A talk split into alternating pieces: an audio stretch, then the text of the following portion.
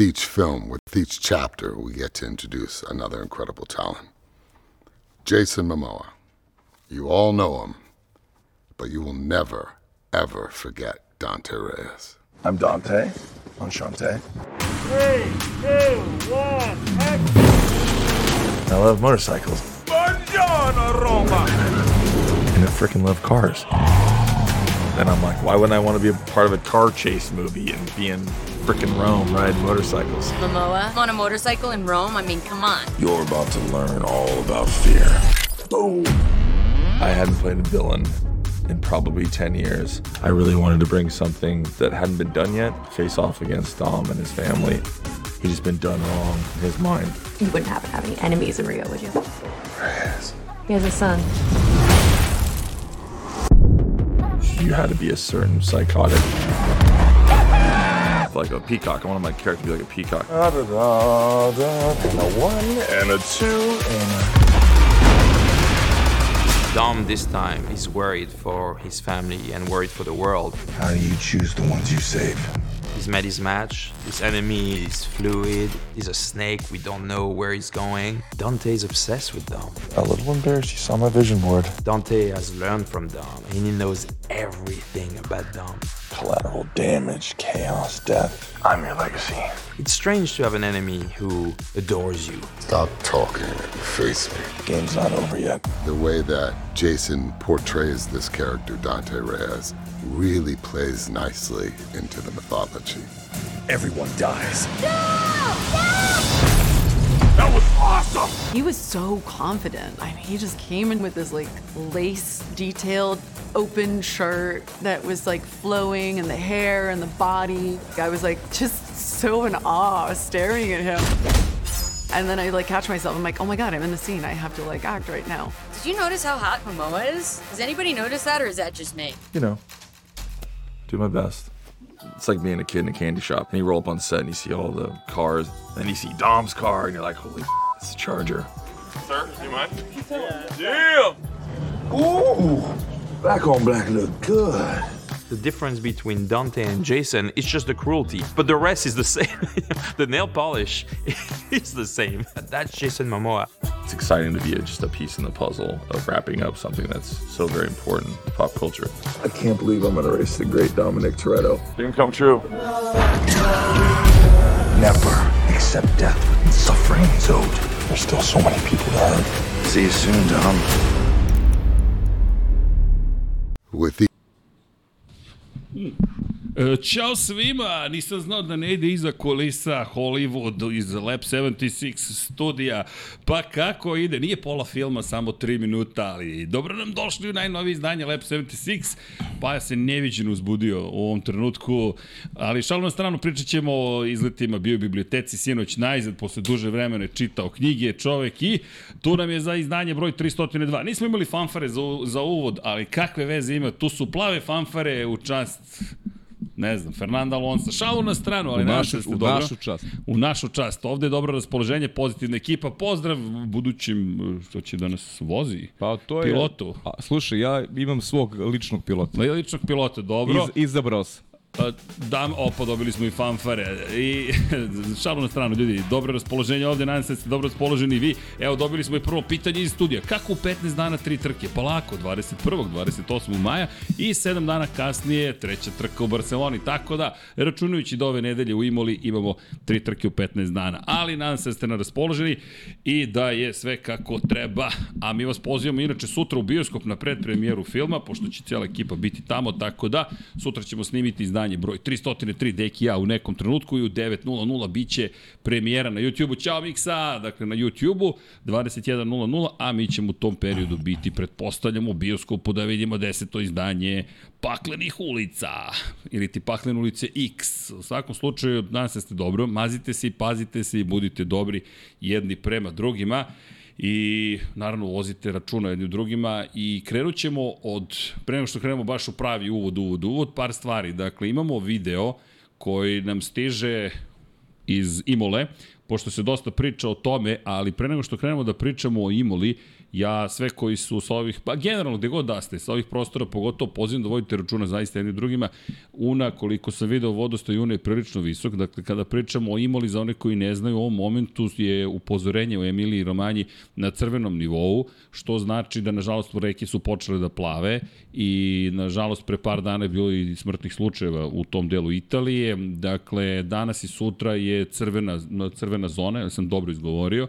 U svakom slučaju pod zabranom je kada je reč o nekim ozbiljnim okupljanjima ili bilo čemu što bismo mogli da podrazumemo sportskim događajima da se išto održava Emiliji Romanji, što ne znači da je velika nagrada Emiliji Romanji ugrožena u ovom trenutku.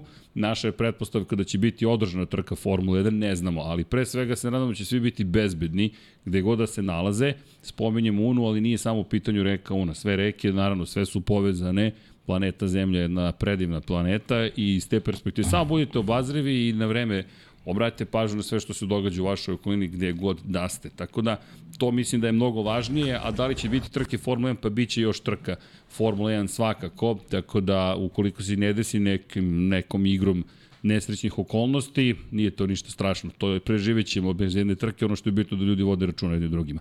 A bacit ćemo pogled ono što se događa u Imoli u ovom trenutku, s obzirom na činjenicu da ovako izgleda trenutno ulazak u padok Formula 1.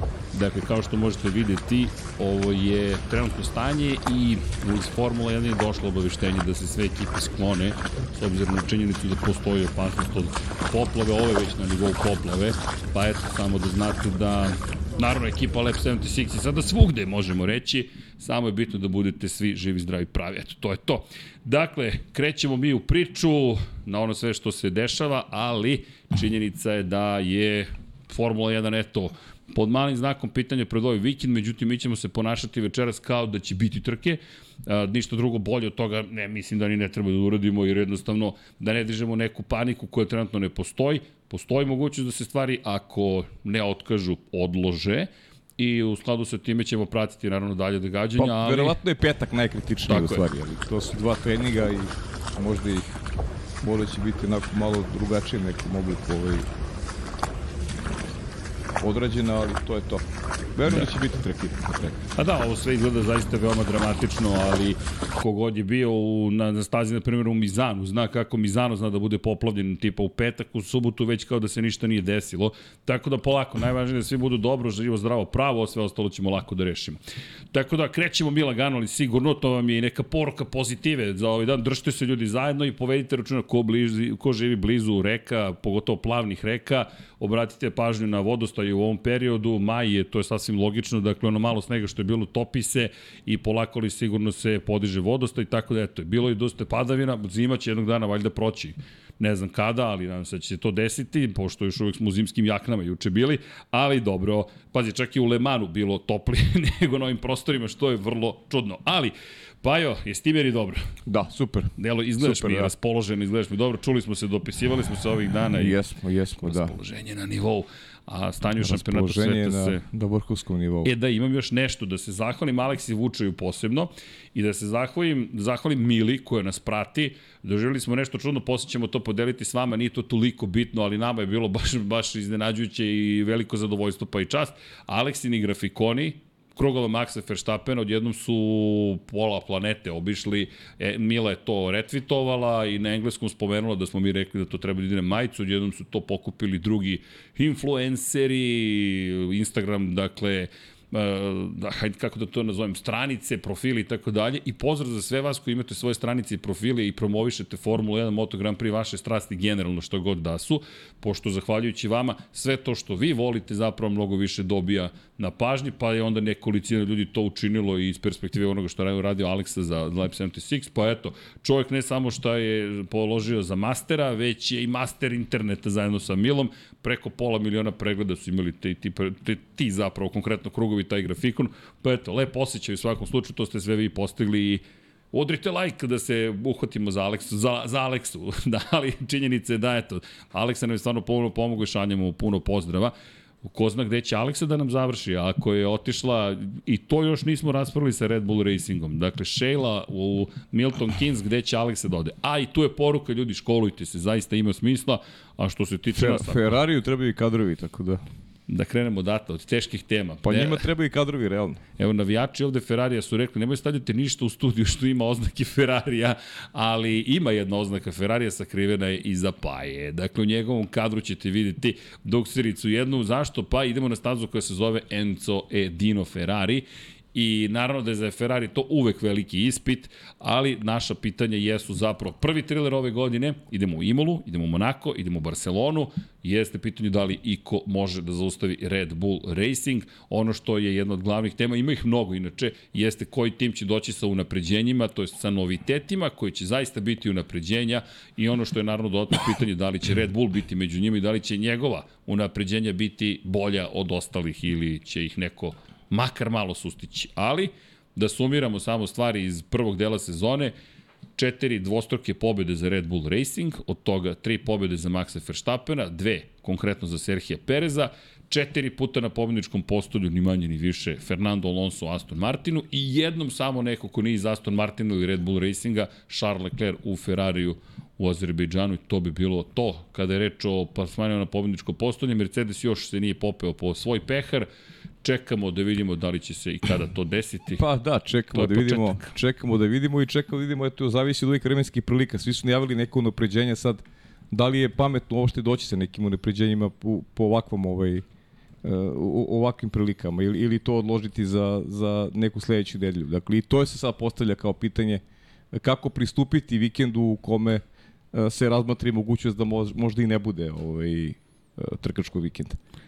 Pogotovo ukoliko e, petak e, ne omogući e, ekipama da testiraju ta unapređenja za koje znamo da se pripremaju i koje su najavljena da će ugledati svetlost dana upravo upravo na stazi Imoli. Tako da eto i to je sad još jedna još jedna dilema za sve ekipe kako se pripremiti i kako dočekati vikend koji možda bude jako važan. Sada se zvanično vraćamo, tačnije dolazimo na evropsku turneju, znači kreće od Imole i tamo do kraja jula nas čeka baš paklen raspored.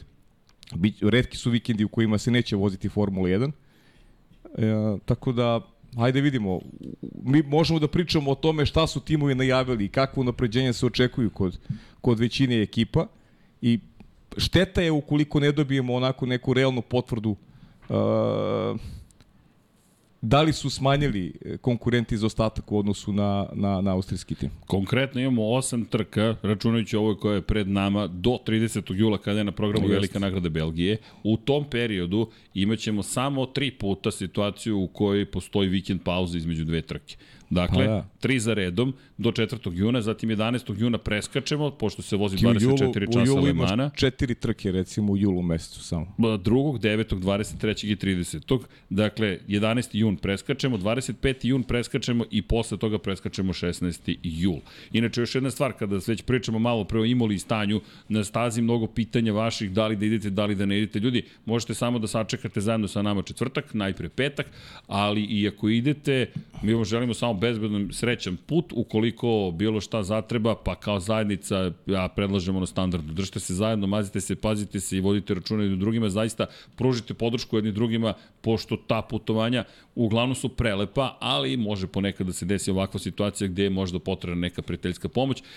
Upravo smo deo, zapravo deo ekipe je bio u Lemanu i morate reći, pa odavno nisam vidio takav kamp zapravo koji je toliko naravno i glasan, gromoglasan i sve se tamo deša, ali koji se tako lepo drži zajedno i to neka bude neka poruka, eto ljudi, kada već idete, spojite se pa se nađete tamo u Imoli i uživajte za koga god da navijate. Mada, koliko vidim, većinom Ferrarijevi obožavaoci se pripremaju. A ovo što si rekao Pa za dobro, kišu, Imola, mislim, ne znamo. logično. Ne znamo da da li je pametno primeniti u napređenje ili ne. I još jedna stvar, kao što si rekao, tempo kreće žestoko sada. Ono što je dodatni problem za, za, za, za neke timove jeste što za ostatak, aj, možda i nije problem toliki, ali možda je mm, ovo prilika, pa samim tim postaje problem da se iskoristi za sve one koji tek u Barceloni planiraju Pa dobro, ali napređenje. kažem ti, prilično je komfortna situacija za sve, jer, jer možemo se složiti oko toga da re, titula Red Bullu gotovo da nije ugrožena, smeši bez se. obzira što je pet vikenda tek iza nas.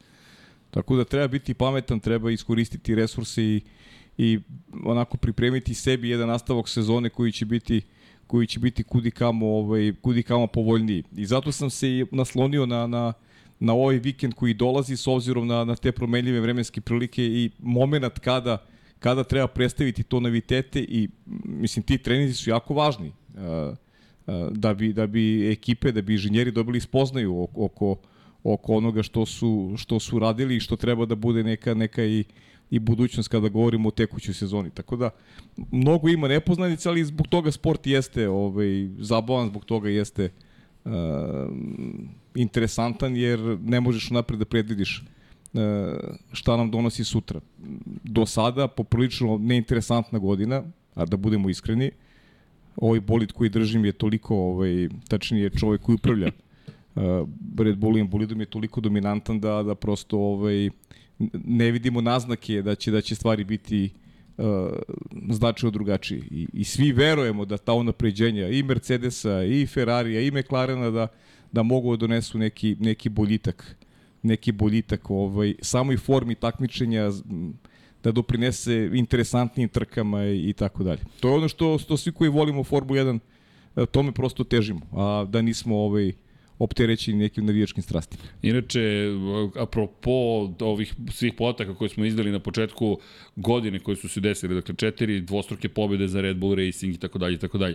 To nije baš uobičajena situacija bila za Red Bull Racing. Dakle, pričamo na primjer često o toj eri dominacije koja se desila početkom prve de, druge decenije, oprostite, 21. veka i o tome šta je sve radio Sebastian Vettel pre svega, ali kad pogledamo njih istorijet njegov i Weberov, Marka Webera, njegov klubskog kolege, ovo nismo imali priliku da gledamo. Dakle, nijedno od tih godina mi nismo imali situaciju u kojoj su baš tako učestali bili plasmani pa, oba vozača na prve pazi, pozicije. Ti, ti da nije bilo Luisa Hamiltona, ovo, oni bi bili 1 i 2 na svakoj trci. Lewis Hamilton je bio drugi u Australiji. I to je jedino, jedino mesto ove godine kada nisu bili, pa tako, i Lewis Hamilton je bio na drugoj poziciji Ne, ne, ne, čekaj, čekaj, čekaj. Na kojoj trci bio Lewis Hamilton drugi? E, nismo imali ove godine. Ove godine, e, čekaj, šta sam sad, ja sam zabagao. E, kada nam je bio? U Australiji, tako je, u pravu si. Pa jeste, bio jeste, je drugi, jeste, znači, moja to, greška. To je jedino mesto gde... gde jeste, jeste, jeste, jeste. Ja, sam ga, Bull... ja sam ga izbacio, zapravo četvrti je bio Alonso, tako je, tako pa je, da, jedino, jedino mesto gde Red Bull nije bio 1 i 2, to je, to je ta odlična trka Lewisa Hamiltona. To proveri još jednom, ali jeste, mislim jeste, da, da je Hamilton treći je tada bio da. Alonso, ali je drugi bio Lewis Hamilton. Ja sam ga Charles Leclerc, Charles Leclerc je bio treći, ali Charles Leclerc je bio treći, jeste, ima, ima jedno ja treće mesto. Jeste, oduzeo taj plasman na pobjedničko postoje, izvinjam se. A, I to, i to, to je najbolja pozicija a, tima koji se ne zove Red Bull ove godine. To je to drugo mesto. To drugo mesto u I zato Australiji. nema, zato nema tih pet maksimalnih ovaj, rezultata Red Bull pa, ove godine. To je rezultat Perezovog zapravo lošeg kvalifikacionog rezultata. Definitivno. I ono što se vraćamo kada je reč o Majamiju, neko je, to je Natalie Pinkham rekla za, za Sky Sport i to je bio super komentar, bukvalno isti koji si ti dao tokom trke, a to je bilo zapravo da je Perez bio na, na devetoj poziciji u Majamiju, da li bi Red Bull imao dvostruku pobedu? Ne bi. Moje A, mišljenje da. da ne bi. Da bi se borio na kraju možda za drugu poziciju, ali teško protiv svih koje pa, je pretekala. Da, znaš kako, to ono, ono što pričamo od početka. Siguran sam da Red Bull neće imati sve pobede ove godine i da će se stvari malo promeniti. Govorili smo o tome i I, i ta kazna s kojim se Red Bull suočava, zna dobri Max Verstappen, znaju u Red Bullu da je početak godine iz njih bio važan, da mogu da da mogu da naprave tu razliku koja je dovoljna za osvajanje šampionskih titula. Rivali će se sigurno približiti i siguran sam da će trke biti interesantni, ali to će sve biti nedovoljno da se ugrozi da se ugrozi ta šampionska titula, dvostruka šampionska titula koji, koju će Red Bull gotovo izvesno osvojiti. Ali znaš šta sam hteo da kažem? Znaš kada se desila prva dvostruka pobjeda za ovu kombinaciju Verstappen-Perez? Evo, evo, pitanje i za publiku, čekaj, mogu i da ga, evo, odgovorite pa šta, u četu. Da, da, Ima pa, ovde. pa prepostavljam sad, čim si pitao, prepostavljam šta je. Šta je? Pa da, mislim da Da si, da si pitao možda ovaj malo kasnije. A evo ovdje dobacuju tačan odgovor. Nema odgovora, nema odgovora, da, možda kasnije sam pitao. Pa Imola prošle Imola, godine. Pa da, pa da. Imola prošle godine prvi put da su zajedno stavili na prvoj drugoj poziciji. I kad se prisetiš i tog incidenta Charles Leclerc i svega, mislim nije, nije, nije teško u suštini bilo i pogoditi. Da. Pa, Jer to je bio period godine kada još Mercedes nije bio dovoljno dobar, Ferrari je pretio sa pol pozicijama, nisu ali imali konstantnost u trki, ali... Leclerc u trci ovde. Pa da, to je ono što sad verujem da će i, i bit će opet deo, deo priče ovaj Ferrari jer moramo se postaviti na prošlu godinu, a naslanja se i ono što se dešavalo tokom prošlog trkaškog Pa ono što smo stavili u podnaslov, ovo su tri trke koje smo spomenuli, koje su zapravo u velikoj meri definisale godinu za Ferrari prethodne sezone. Jest, jest. I imali prvu grešku pravi jednostavno Charles Leclerc u toj poteri za drugom pozicijom za Serhijom Perezom. Ako se setimo, to je bio taj pokušaj zapravo da, da, da ostane uz Maxa. On pravi grešku koja ga izbacuje sa staze, okreće se, uspeva da se vrati u igru, ali prvi put da ne može da isprati ono što radi Max Verstappen. Pa to, to je ovaj, ono što je poražavajuće za Šarla da su te domaće trke loše po njega. Vrlo često. Italija, Monako. Tako je. A u Monaku je Ferrari napravio veliku grešku i onda je došla čuvena Barcelona u kojoj Pa do, pravi, te, pravi on, motor. pravi on tokom, tokom karijere, nije samo pravio Ali- Ferrari, ali pravio i on greške. Ali Ali, ovde prošle godine, pričam. prošle godine je pravio, a Ferrari je prošle godine Ne, ne, ali pa evo, napravio pa kao. ove tri trke, dakle, bukvalno su definisale nastavak sezone, jer u Imoli se on okreće, u Monaku Ferrari pravi grešku Jest. i dolazi Barcelona da eksplodira motor. To jest. prepisujemo meni, pretpostavljam. Pa dobro, da, to je... Sunčano popodne u Barceloni. Da, to je ovaj... Tada smo već mogli da, da upišemo Maxu Verstappenu šampionsku titulu. Tada je obrisana zapravo prednost Charles Leclerc. Tada je počelo sve da se menja u korist Red Bulla. Ne vidim isti scenarij ove godine, ali eto, čisto da konstatujemo da su te tri trke zaista bile kritične u nastavku sezone.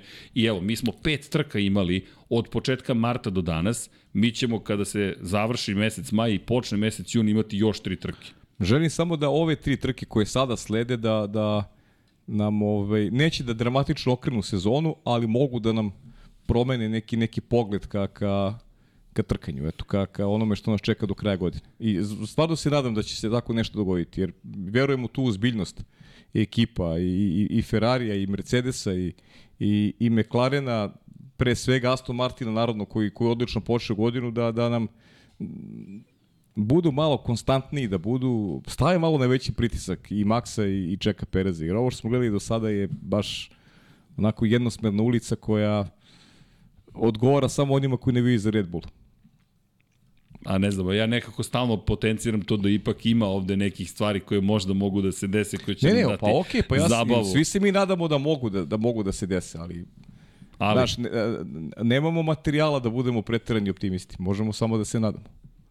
Vidi, ja i dalje verujem da će, ne, ne znam zašto, ja i dalje verujem da će biti zanimljivo, ali možda je samo uzaludni optimizam, kako god, ako gledamo racionalno, realno, Red Bull sada svi već veruju duboko da ima prednost od jedne cijele sezone. Dakle, sve ovo što su radili sa DRS sistemom pre svega, pri čemu, kakva ironija, skraćuju se DRS zone pod izgovorom da zapravo pokušavaju da obuzdaju Red Bull, a meni deluje da tim skraćenjem DRS zona zapravo pomažu jedinu Red Bullu, jer na kraju sada u tim skraćenim DRS zonama jedino Red Bull ima dovoljnu brzinu da preteče na adekvatan ali, način. Ali ti, ti sa skraćenim DRS zonama ubijaš sve, ne samo... I ako hoćeš da... Red Bull nisi ju Ako zaustavio. hoćeš Red Bull da zaustaviš, ali ti ubijaš generalno trku ubijaš. Znaš, to je... A nisi zaustavio Ajde da se Red Bull. vratimo na oni duel Sainca Hamiltona da Baku, pa ima tu još momenta gde ne znam, Norris, Norris. I, Norris i Hulkenberg gde celu trku tu posetilo me na Petrova i Alonso svoje vreme. Znaš, ba- baš negledljivo, realno. Meni jedino, ali, znaš šta je meni bilo super? E, to što je od, i od Georgea Russella i od Luisa Hamiltona zahtevalo na kraju da pokažu još više u tom preticanju, ali samo su njih dvojice išto uspeli da učine. Što je kombinacija, što njih dvojice, što Mercedesa. I kažem, ironija, pokušavaš da zaustaviš Red Bull, sada to više nije ni tajna. Skraćujemo DRS zone da bismo usporili, usporili Red Bull, ali to nikom ne pomaže, osim Red Bullu na kraju. Pa, isto kao prošle godine, Mercedes koji insistirao na promenama, promene koje su dovele do tehničke direktive, koje su samo unapredile stanje Red Bulla i pogoršale stanje Pa Ferrari. te, te tehničke direktive mogu da pomognu u nekoj budućnosti da, da trke budu interesantnije, ali one moraju da se uniformišu tako da, da nikog ne, ne favorizuju, već da, da uh, omoguće, omoguće ovaj užitak uh, i nama sa strane i momcima koji se trkaju, tako da opet široka jedna tema.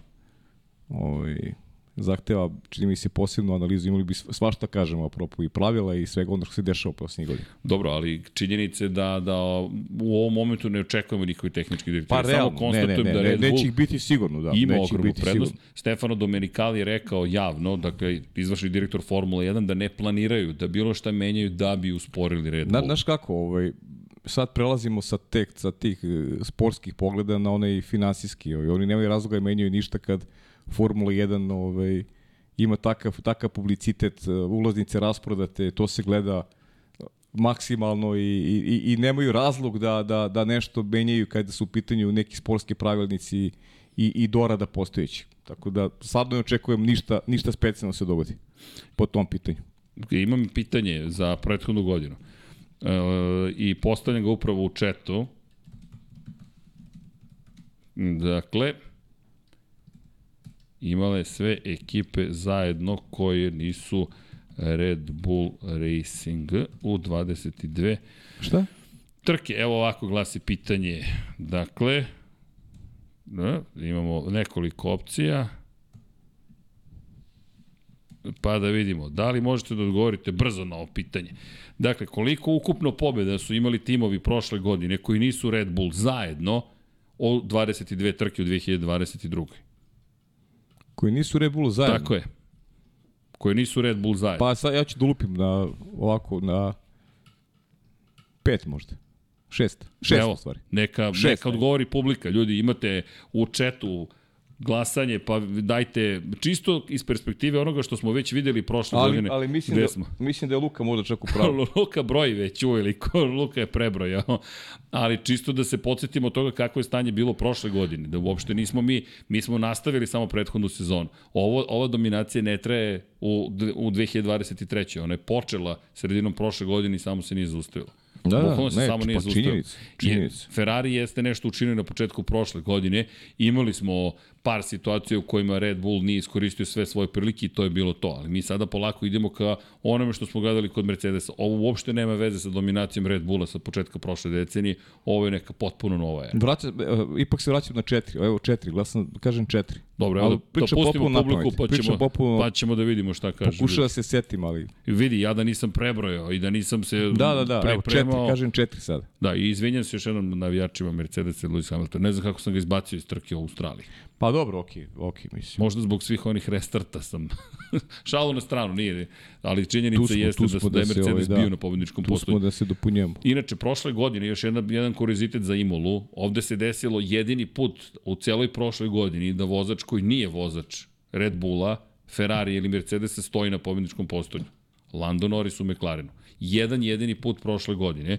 Mi ove godine, zahvaljujući iskreno Fernando Alonso i Aston Martinu, imamo situaciju u kojoj mi imamo zapravo ekipu koja se penje na pobjedničko postolje, tako da i to redovnije nego McLaren. Aston Martin koji izgleda fenomenalno, nemamo predstavu šta se sprema tamo, ali Fernando Alonso je već rekao na stazama na kojima je potrebna veća količina nizgona, dakle veći negativni uzgon da imamo možda neku situaciju, da će možda imati situaciju poput Monaka, to je najavio i po završetku velike nagrade Miami, u kojima će moći da brani poziciju malo bolje. No, apropo Emilije Romanje i apropo cele ove trke, to je nekada bila velika nagrada San Marina, svoje vremeno i velika nagrada Italije 1980. kada je jedan jedini put bila situacija u kojoj Monca nije zapravo imala organizovanu trku i nije bilo domaćin velike nagrade Italije. Čuvena je staza u Imoli Mi je sad pamtimo ovom novom dobu po trkama, međutim, nažalost, pamtimo i po smrti Rolanda Ratzenbergera i Ayrtona Sene. To je neću, ne, znam ni kako bih rekao, crni vikend koji, kojeg se presvetimo svakog 30. aprila i 1. maja.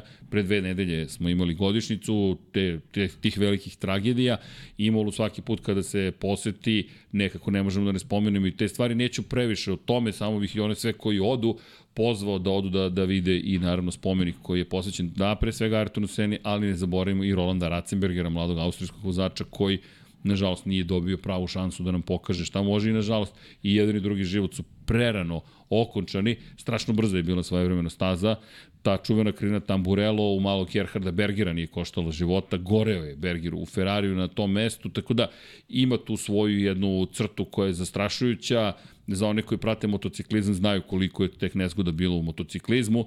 U svakom slučaju uživajte u onim pozitivnim stranama Imole, ali ovo je uska staza, takozvana stara staza pravljena za mnogo manje bolide, priča se o tome da će pokušati da ih smanji, ne vidim kako će uspeti u tome, ali ovde kvalifikacija će odigrati veoma važnu ulogu i naravno strategija, a kada spomenjem kvalifikacije, pa je ovde ćemo imati prvi vikend u kojem će zapravo kvalifikacija imati novi pravilnik.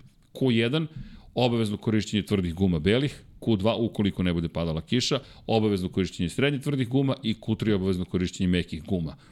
Ne znam, ne znam ni šta bih pomislio. Pa ne, znaš, ajde da vidimo. Ovaj, uvek sam ovaj, skeptičan kada su pitanju ti neki noviteti. nova pravila, ali treba, treba sačekati i vidjeti kako to izgleda, pa onda, ovaj, onda komentarisati da, da ne budemo onako, što se kaže, pljuvački raspoloženi ovaj u startu, već da damo šansu tim nekim novim pravilima. Čak možda i nije toliko to, to i sporno kao, kao neke druge stvari koje smo imali ovaj na raspolaganju. Pa želim da Rekao vidim bi da baš. se ljudi, znaš, da se, da se mnogo ljudi trudi da eto, da nešto kao ostavi ovaj formuli, da nešto kao novo ponudi, a da nema nekog preteranog preteranog rezona, ali ajde, o tom potom vidjet ćemo.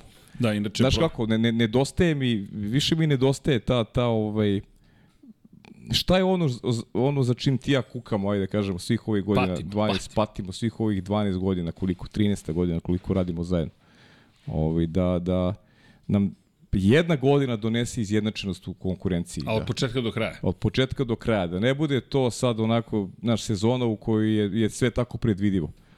E, to je ono čemu bih ja da sam, znaš, u nekoj organizaciji da se bavim time. Ja bih tome težio, znaš. Ja, ja bih, e, tu bih pokušavao da, da pronađem način da, da, ovaj, da trke budu, da trke budu interesantne i da, i da, znaš, kao recimo, aj sad, neću da poredim sa drugih takmiča, da ti kao u NASCAR recimo imaš, to je sad bajka više, da imaš 17 različitih pobednika u sezoni, recimo, znaš, tako neka priča, da, da otvara mogućnost i tim nekim manjim timovima da ovaj da pobeđuju, da da jedna ekipa za, kako, kako je moguće da se uvek namesti ovaj da jedna ekipa bude toliko dominantna u odnosu na u odnosu na konkurenciju.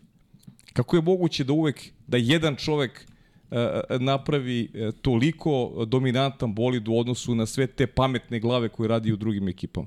E, to je nešto što što ovaj objektivno objektivno smeta. Objektivno smeta kad želiš da da trke budu da trke budu ovaj e, u tom pogledu mnogo mnogo dinamičnije, mnogo interesantnija.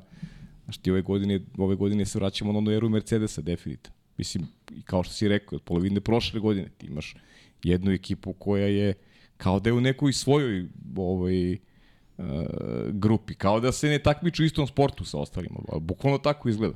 Kao ovaj, ovaj GT Challenge, kao da imaš ovaj kategorije, znaš, kao da su u nekoj pro kategoriji, a ovi ostali su u gold kategoriji, znaš, e, e, tako mi to izgleda sve, znaš. Dobro, ideš ono, hiperautomobili otprilike i onda ostali. Pa da, pa, LMP ali dvojke, trojke, tako. GT Pro i tako dalje. Bukvalno to. Ali, apropo toga što spominješ, slušaj ovo, a, i apropo konstruktora, ne pričamo sada, i nije kukanje, ljudi, samo konstatujemo šta se događa i ja ću već sada početi da pričam o tome da je Red Bull na putu da možda ispiše jednu istorijsku sezonu.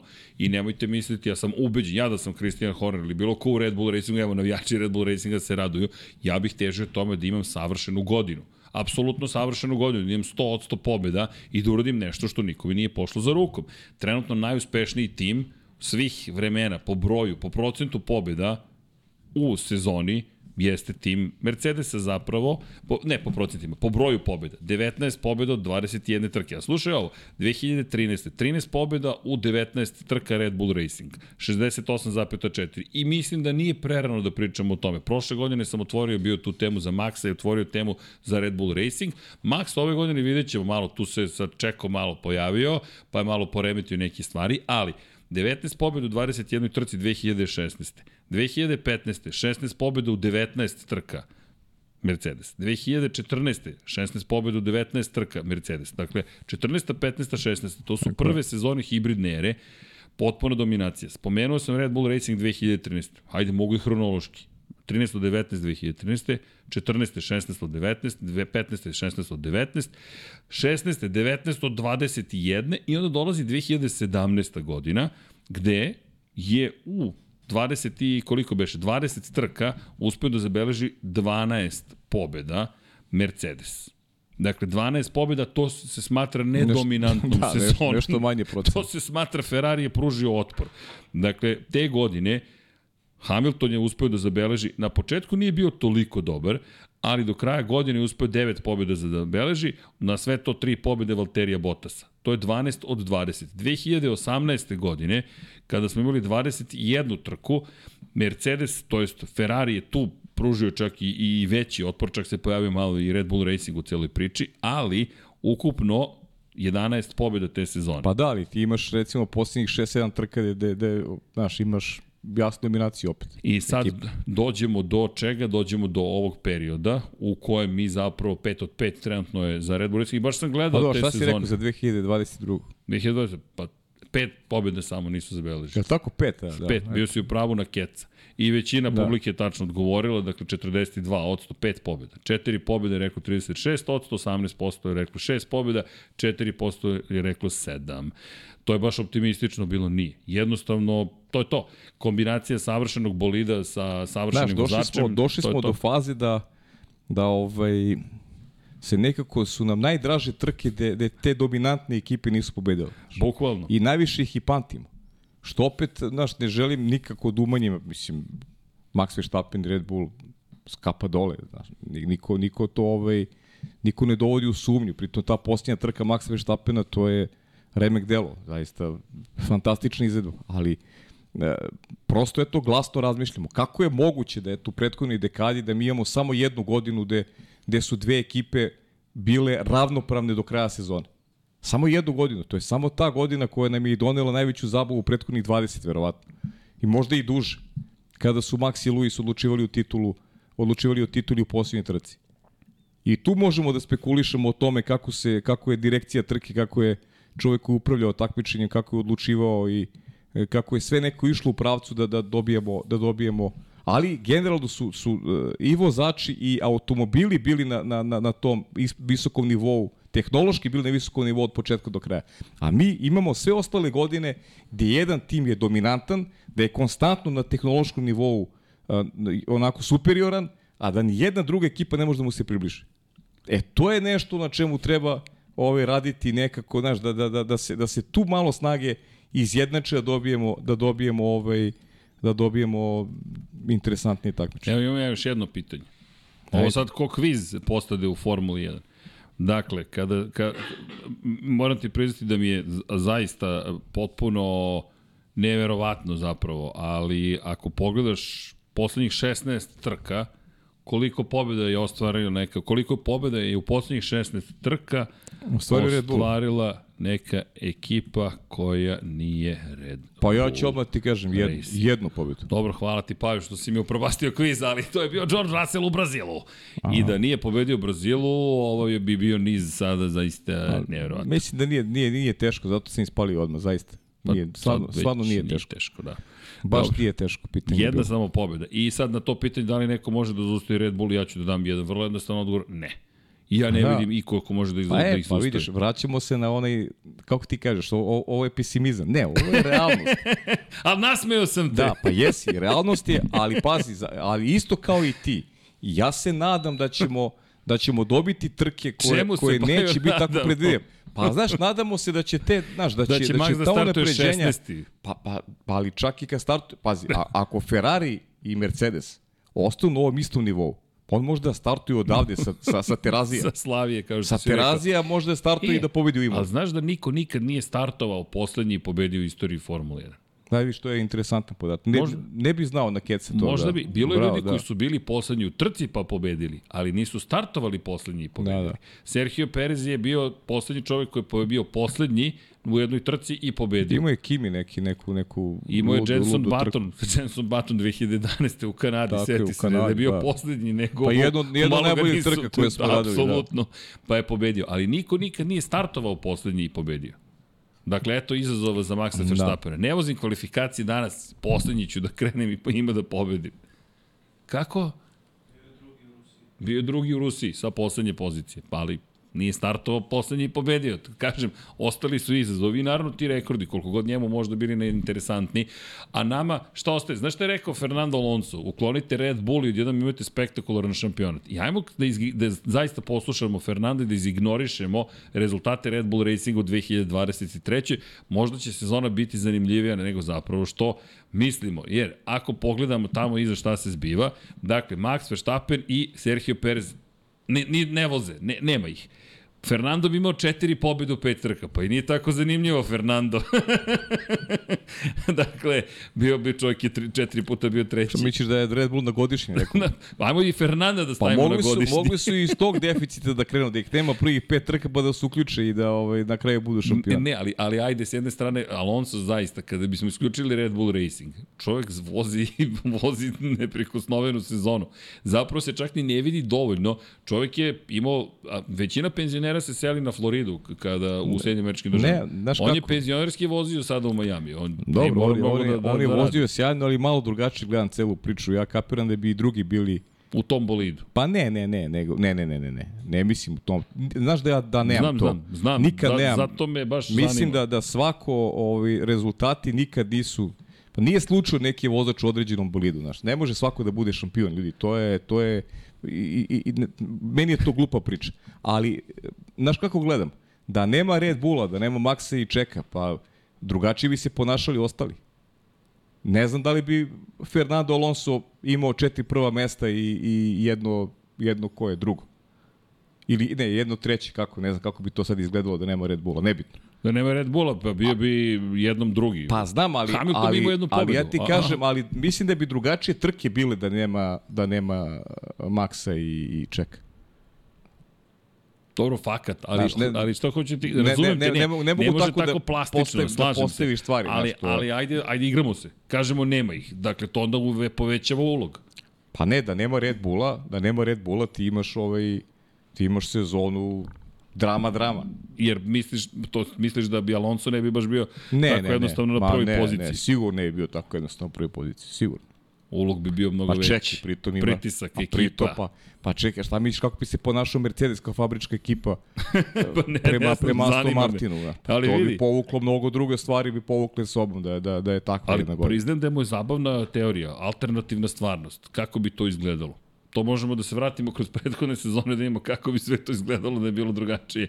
Ali kako god, Alonso, pazi, konzistentnost, konstantnost koju on pokazuje je fenomenalna. Ne, ne, to, to nije sporno kapo dole. spektakularan, zaista ove sezone. Jedno čekam da vidim šta će da uradi ovde. I da vidim naravno kako će se ponaša bolid u Monaku, to je ono što je velika naja. Inače, za Imolu, nemamo mi očekivanje da će se dramatično promeniti stvari. Ovo je staza koja je nešto kraća od, 4000, od 5000 metara, 4909, ko je pobedio u prethodne dve trke na ovoj stazi? Max Verstappen u Red Bull Racingu. Ko Tako je pobedio pre Maxa Verstappena? Lewis Hamilton u Mercedesu.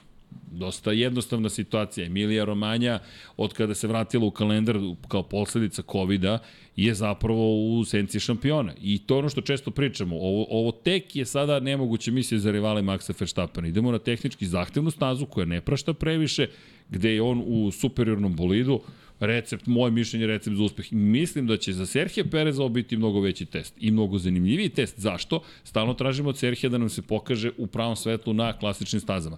Nema klasičnije staze od ove. Ne postoji klasičnije. Pa- Jedna greška ovde je teško se prašta. Pa jedini test njegov je da, da pobedi ostalu konkurenciju, nešto. Tu treba sebe da testira, ali ne- nema on šanse protiv Maxa, to, to je, mislim, prošla trka pokazala definitivno. I on je rekao, nisam zadovoljan kako sam vozio. Pa, Prosto, ne za može, to što pa, želi nije da taj, postigne. Nije taj kalibar, ali ali je dovoljno dobar vozač, ima dovoljno dobar, dobar uh, bolid u rukama da on mora ovaj, da, da, da u kontinuitetu pobeđuje rivale koji su ovaj, trenutno u, baš loši. inače Baš prošle loši godine... u odnosu na, u odnosu na, na, na vodeći tim. Da ne zaboravimo, prošle godine ovde smo imali sprint. Dakle, bilo je drugačije sprint kvalifikacije u to vreme, ne sprint trku kao sada u Azerbejdžanu.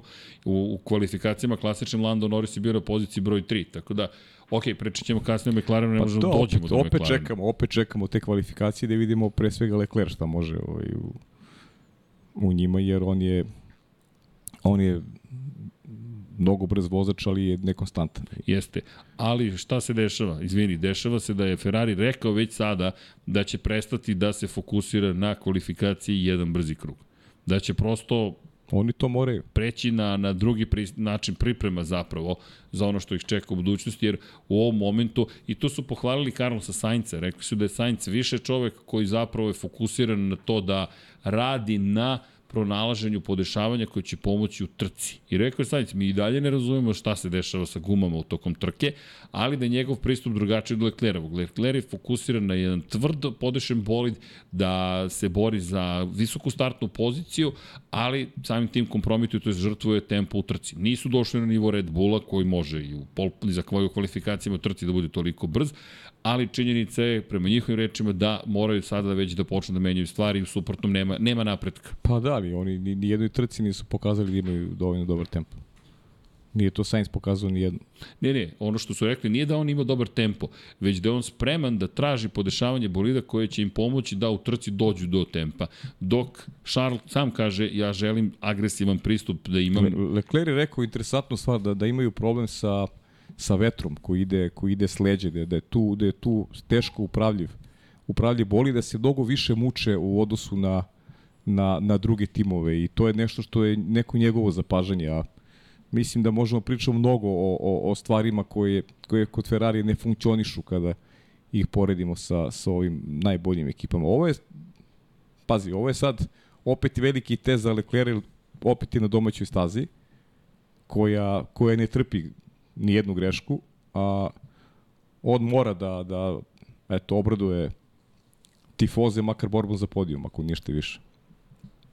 Nisam siguran da više mogu, ali borba za podijum na račun dobrih kvalifikacija, jer pazi, sad, sad, sad, sad je tu sudar, sudar mišljenja vezano za Ferrari. Smatram da Ferrari bez, dobro kvalifika, bez dobrih kvalifikacija ne može dobrih rezultata. Mislim da je to nemoguća misija. Jer oni su toliko loše, evo već dobijam komentare, o kvalifikacije Ferrari će imati dramu ako bude bilo na tvrdim gumama uh, onaj, da prođe u Q2 koliko se muči na tvrdim gumama. Pa, ako bude taj koncept. Ajde da vidimo, ja mislim da...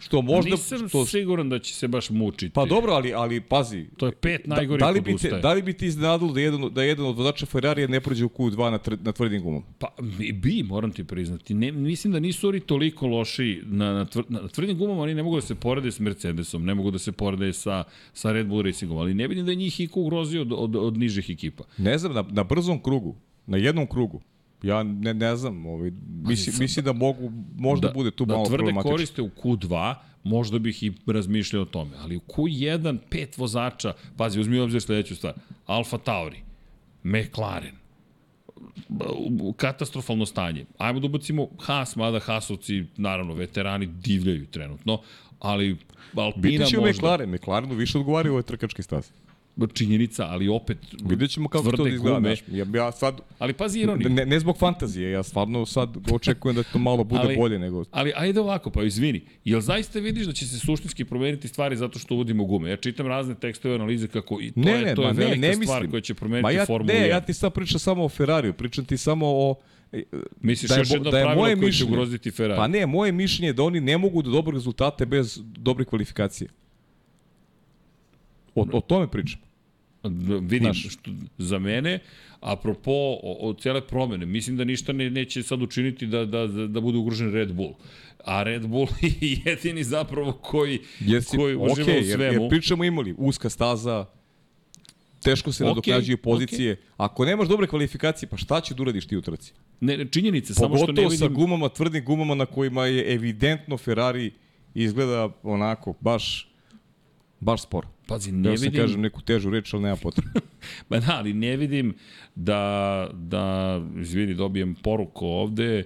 Uh... Ti kažeš, kao kažeš, Sanć je spreman i da se ovaj, da, da više se, da, da radi na tome da tempo za trku. Pa ti imaš dva treninga da, mo, da obojca rade na tome da tempo za trku bude bolji.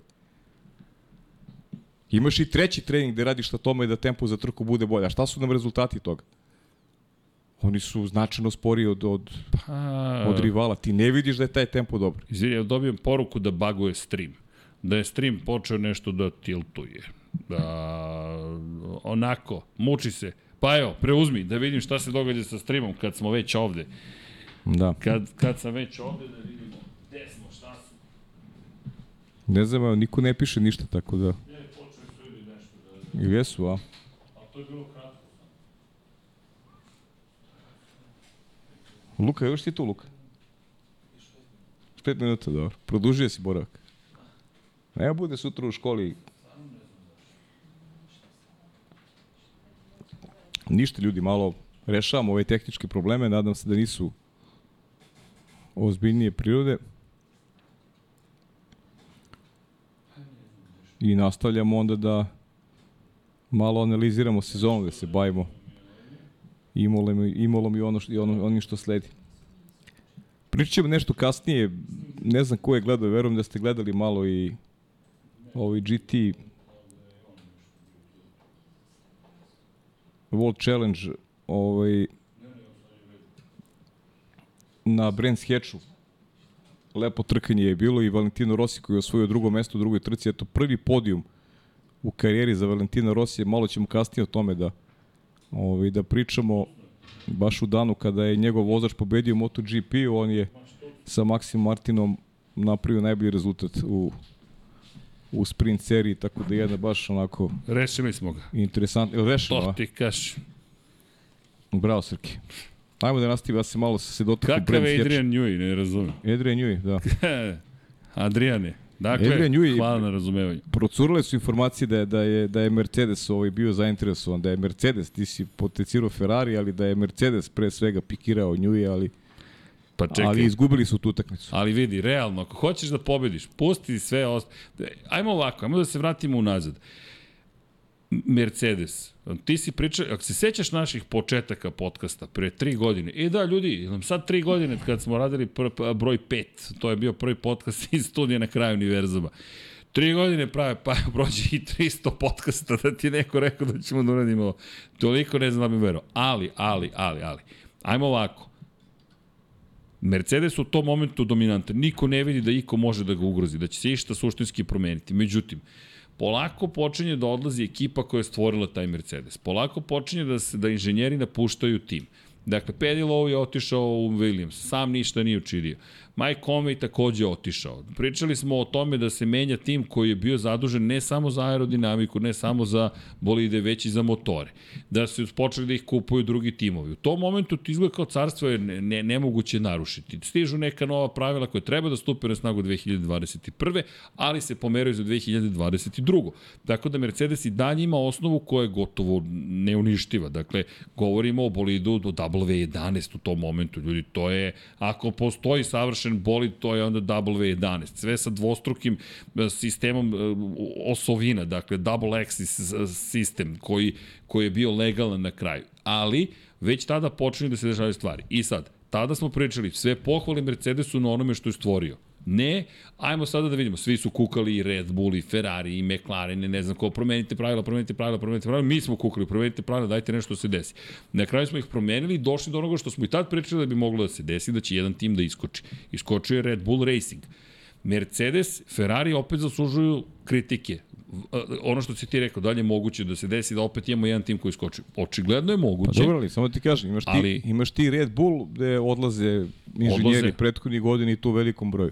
Jeste. Ali opet glava cele priče, taj, taj, ta centralna, centralna figura svih uspeha ovaj, Red Bulla je i dalje tu i očigledno da on taj koji Ali- njegov, njegov blistavi um pravi pravi očiglednu razliku u kojoj, znaš, dru, drugi teško tu teško tu pariraju. U sve te i, i, i potpuno kapiram, ti ako hoćeš da savladaš Red Bullu, ti treba da udariš tamo gde je, gde je najjači. Ne a, samo, a to je, pazi, to je Njui. Ne samo što ćeš sebe jačiti, oslabit ćeš Red Bull Pa to, Racing. pa tako je, dakle, pa ti dobro, to je kao, njega. kao, u čak, svakom, u kao u svakom sportu. Čak ti, da ga pošalješ ti, negde. Ti iz ekipe koja dominira pokušava da izvučeš najjaču kariku.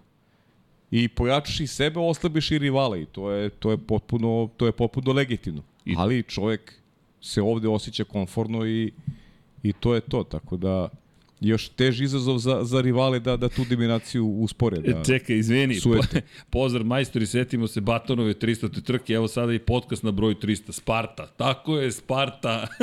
Čekaj, smo 300 danas ili? da, nije, danas je već 302, 300 ti smo preskočili, ne možemo, to moramo da se skupimo i to će biti podcast koji neće biti sniman, možda ga snimamo nešto ovako, ne znam. Morat ćemo da uradimo 300 ti specijal kad se svi skupimo, da lepo uzmemo torticu i da samo pričamo besmislici, da vam odgovaramo na pitanja, da nas pitate šta god vam padne na pamet i da to bude neko druženje zapravo. Doviđenja, dame i gospodo, Ćao, budite ćao, dobri, ljudi. uživajte. Ćao. Lepo spavajte. Dakle, dakle, tako da napravimo, jer pokušali smo na raznim mestima, nije nam baš uspelo, pa ne želimo opet to da prođemo, već da se, da se sretnemo s vama. Ko hoće sutra pred premijera Cineplex Galerija Fast and Furious 10, dakle, svratite, družit ćemo se pre toga, malo gledamo film, film, nemojte očekivati nešto preozbiljno, to je zabava i, i to, je, to je pre svega to. A što se tiče 300. podcasta, to kad se skupe manje više, veći broj ljudi, dakle i Deki i Zoran Živko da nam dođe, pa nadamo se i Andrej da nam svrati malo više da časkamo svi zajedno, eto, da bude neko Pa neobavezno ili druženje. prosto da se družimo samo, Pa da. da. vidjet ćemo. Pa da, to, to su stvari. Tako da, apropo ovoga što smo spominjali, samo bih se vratio upravo na to. Dakle, hoćeš da uzmeš Njuija svakako, ali isto tako moraš da nađeš tu novu ekipu. Očigledno da Njuj može biti pobeđen. Mercedes ga u tom momentu pobedio. S tim što bih dodao par stvari. Kada je pisan pravilnik za hibridnu eru, Mercedes je kvalitetno i pametno lobirao i na vreme bio spreman za novu eru. Čini mi se da Njuji je mudro ćutao zapravo kada je shvatio da se vraćaju bolidi Ono što bih voleo da saznam jeste ko je najviše lobirao za efekat tla. Jer je nju i taj koji, kada pročitate njegovu knjigu, izvrsnu knjigu How to Build a Car, i pogledate njegov istorijat zapravo, gotovo bio savršeno pripremljen i pozvan upravo da iskoristi eru ovu u kojoj sada prisustujemo efekta tla. Jer ovo što on radi je tačno prepoznavanje svega što ova era donosi. On je čovjek koji mnogo istraživa istoriju Formule 1, mnogo voli automobile, sportske automobile. Na 24 časa Le Mana mi već godinama možemo da vidimo upravo bolide koji taj efekat automobile, ajde, možemo da nazovemo bolidima, koriste taj efekat tla. Pa čisto bih volao da saznamo ko je zapravo izlobirao sve ovo. I naravno, Mercedes i Ferrari, kako god stanje bilo, moraju da se pokrenu, moraju da se mrdnu. Inače, apropo toga, Frederik Vasseri rekao da što se njega tiče, promene u Ferrariju su tek počele. Dakle, bukvalno to izjavio, Matt Q je izvestio o tome, rekao je Pa da, da, ne znamo tek sad počinje da primenjuje promene koje žele u okviru ekipe. Ne znam na što je mislio. Pa njegove reči su sledeće. Dakle, ono što je on do sada radio, on sada započinje proces. I rekao je do sada, u suštini ono što sam pokušavao da uradim jeste da izanaliziram situaciju što je brže moguće, da bih pripremio promene za Pa ja budućnost. moram ti priznam, meni to malo zvuči kao alibi priča, znaš. To je sad pet trka, pošto si doživio debakla, sad pričaš o tome da sad ovaj krećeš, znaš. To je kupovina vremena kod, kod poslodavaca i kod navijača, pre svega, znaš. Promene, Ne su, pre, promene su se dogodile pre početka sezone. I govorili smo ovde da, da neke stvari treba i brže da se odvijaju. Mislim, ko je kriv Ferrari što se neke stvari nisu brže odvijale? I samo Bil, da... bilo, bilo je vremena, govorili smo John Elkan i sva ona preverenja koje imao na, na, na dve strane i ovaj, tih nekih poslednjih obaveza, ali mislim da su, da su bili prilično spori sa, sa rešavanjem. Ti sad pričaš posle pet trka, mi se sad ovaj uhvat, pa čekaj, de, de, šta si radio pre početka sezone, šta si radio pripremi za, za start sezone. Da, inače, Pritom drugačiji su vetrovi duvali pre početka, govorili ste o pobedama i o i ovaj ma, malo je to drugačija dimenzija bila ovaj u odnosu na na, na postojeću. Da, i da budem potpuno precizan, Charles Leclerc je to izjavio u kontekstu toga kako vidi trenutno šta se dešava u Ferrariju i šta je uradio Frederik Vaser za početak. I rekao je da puno razgovara sa Vaserom i da se njemu čini da je ovo zapravo početak tek promena. Ok, znaš, to je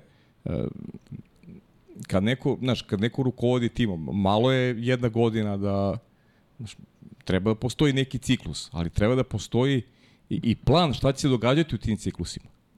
Da se, da se kaže, znaš, za prvu godinu u očekivanju sta i ta, druga ta i ta, treća ta i ta. I ako se odstupa od toga, znači da posao nije uređen kako treba. A ovo bi, kažem ti, meni ovo zvuči malo više kao znaš, da se smire, da se smire navijači, jer, jer godina je, godina je baš tragična. To je očajan početak i Ferrari sa izuzetkom te, te fenomenalne trke Charles Leclerc u Azerbejdžanu je izgleda baš neubedljivo. Dobro, savršeno mesto da okreneš sezonu je tvoja staza. Pa jeste, tvoja staza. Realno. I, I ono što ti ja pričam o stanu, da to, to je sad jedna, jedna borba vo, e, vozača da ubede menadžment da su oni i vredni da tu ostanu i narednih godina. I nema izgovora, znaš, nema, ne možeš ti napraviš jedno, ti si vozač Ferrari, napraviš ovaj, tri greške na, na, na maltene istom mestu. Ne, ne možeš to da radiš. Nedopustivo je. To je to. Ne, baš razmišljam, vidi, ajmo, neko je rekao, prošlog puta ćemo pričati 10 minuta o Ferrari, pričali smo ceo sat o Ferrari, na kraju tako otprilike ispalo i izgubio opkladu čovjek. Izvinjavam se, ali šta da radite, to je kada, kada je Ferrari toliko velik. Za Red Bull Racing nemate šta mnogo da pričate, osim da se rivali dive Red Bull Racingu. Pa ne, I da se pa- pokušavaju pa- da razumeju zašto Pa je šta toliko rivali brzo. i mi se divimo. I ne, ne, nema šta da dodamo, oni su za divljenje. I pričali smo u prošlom podcastu, najviše smo vremena posvetili momku koji je odvezao spektakularnu trku. I moram ti reći, sam bio zadovoljan što smo pričali o pobedniku. Pa da li, ali Srki, to je, to je nivo velikih šampiona. To je nivo velikih šampiona. I to je najveća stvar koja iskače iz ovog osjećaja da, da trke nisu dovoljno zanimljive. To je Max Verstappen. On nam pravi taj osjećaj da živimo u eri jednog, još jednog velikog šampiona. 2021. to je Mislim, bilo je nagovešte i pre nego što osvojio. 2000, ali 2021. Aha, je, kao- je potvrda, Srki, to je najveća potvrda. Ne, pa to Jer ti, ti si jednom, borio protiv... ti si skinuo krunu jednom od, jednom od najvećih u istoriji. Ti si mu skinuo krunu u, u direktnom trkanju, pa si onda počeo, pa si onda preuzeo taj primat i krenuo si da, da jedno, onako na jedan dominantan način da, da osvajaš, da osvajaš trofeje, ti sad ne, ne vidiš gde je kraj uopšte. Šta je kraj? Šta, šta su limiti za, za, za Red Bull i Max Pa evo, o čemu pričamo? Već sada pričamo o rekordima. A peta trka sezone je završena. Pa da. Ali ja bih jurio rekorde. Da sam na njihovom mestu, ja bih zaista jurio rekorde. Jer želiš da ostaviš trag u istoriji. Koliko god pričao Max Verstappen da on ne želi. Prilično sam siguran da Adrian Newey želi, da Toto Wolff želi, da je želja ne samo, novac imaju, uspeh imaju, stvari su uradili Da, da, koje možemo samo da sanjamo. Zašto ne bi sada uradio nešto, ne samo što se sanja, nego što postaje, što je nešto što je nivo nemogućeg zapravo. Da dođe, da dovedeš sebe u situaciju da kažeš, aha, ljudi, čisto da vam kažem, ja sam osoba koja je dizajnirala bolid koji je 100, u 100 od 100 trka pobedio u jednoj sezoni. Tako je. Ja sam dizajnirao čuveni RB19. E, inače, ali moram nešto ti kažem, digresija je, ali e da i hidrirajte se ljudi. Opa, to je hidratacija i ispod čaše. U svakom slučaju, neko je rekao, zamisli, čak mislim da su komentari bili na Twitteru, zamisli da neko RB19 poredio sa Moto Grand Prix šampionatom, sada pošto Ducati svoje motocikle prodaje privatnim ekipama, zamisli da Kevinu Magnusu i Niku Hulkenbergu Hasu neko da RB19. Dakle, prodaš im ceo bolid i kaže, evo momci, izvolite RB19. A ne, ne mogu da zamislim. Ne, ne, kako bi to trkanje bilo, pogotovo njima dvojici da ih daš. Ali, dobro, to se neće desiti, ali mi je to bilo razlika između Moto Grand Prix i Formula 1, zašto su takođe neuporedive. Konstruktori, ima ih suštinski pet i daju bo, da. motocikle skoro svima, a ovde imamo situaciju gde vi morate kao konstruktor se potruditi i to je jedan od razloga zašto se zašto su se nekada davno baš toliko bavili i konstruktorskim titulama, s obzirom na činjenicu, pogotovo McLaren se bavio time, Brabham se bavio time, Jack Brabham, Bruce McLaren, jer su govorili o tome da i tim podjednaku zaslugu zaslužuje. Pa čisto iz te perspektive, eto, da, da, da, da, da, da možemo da pričamo o tome da bi to moglo biti cilj. A šta je sudomiti? To- Nemam To je pojma. jedna vrlo interesantna poruka kao i uvek od Mohameda Hajdarija i pozdravljam ga ovom prilikom, on uvek onako predlaži lepe teme i, ovaj, i popuno se slažem sa njim da, a, da od 2026. godine možda treba uvesti pravilo da samo dve ekipe mogu da koriste isti agregat. I to, to je e, dobro zapažanje. Ja sam, pri- pričali smo x puta ovde, ja sam baš veliki protivnik kad pogledaš koliko timova koristi Mercedesove agregate. Ti gotovo da imaš polovinu karavana koji su na Mercedesovim agregatima. Pa, da, okej, agregati su ti koji... I, ja, ja, i, I pazi, da je Mercedes u borbi za šampionsku titulu, ne verujem da bismo ovoliko pričali o Aston Martinu i ovaj, o nekom njihovom uzletu. A da li ih nema?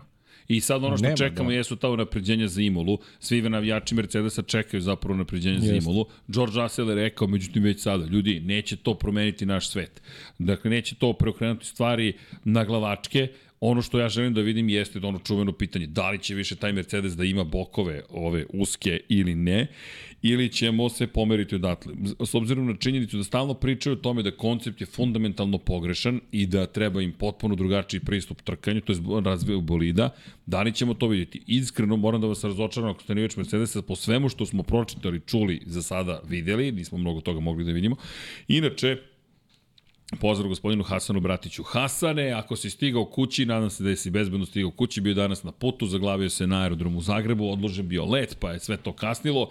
Nadam se da ćeš imati lep, uspešan, srećan put za Imolu, posle toga ide u Monako, posle toga ide u Barcelonu. I naravno, Hasane, očekuju da zlopotrebimo tvoja putovanja, da saznamo više. Molim te, molim te, molim te, molim te, fotografiši Mercedes i pod i garažu i sve što se tamo Da, događa. novi pod, Jer prednja želimo- osovina, izmenjeni bokovi, to je nešto što je najavljeno za... Najavljeno, ali ja iskreno Da. mislim da, ti bo, da tih onih klasičnih bokova neće biti. Da. I moram reći da sam razočaran zašto? Zato što mislim da sada već je previše vremena uloženo u koncept koji ne funkcioniše. Naravno, ako, do, ako uspeju ponovo da budu brzi, dokazat će da grešim, ali Pa dobro i... radije ću da grešim I u ovoj opet situaciji. kažem, šta će biti u ovoj, ovoj situaciji kad imaš jedan vikend koji je onako prilično turbulentan, znaš. I ne znaš da li ćeš ako ne možeš da testiraš, pa da, ako ti ne možeš u test, da u petak da testiraš, da, da isprobaš te novitete, znaš, čemu onda?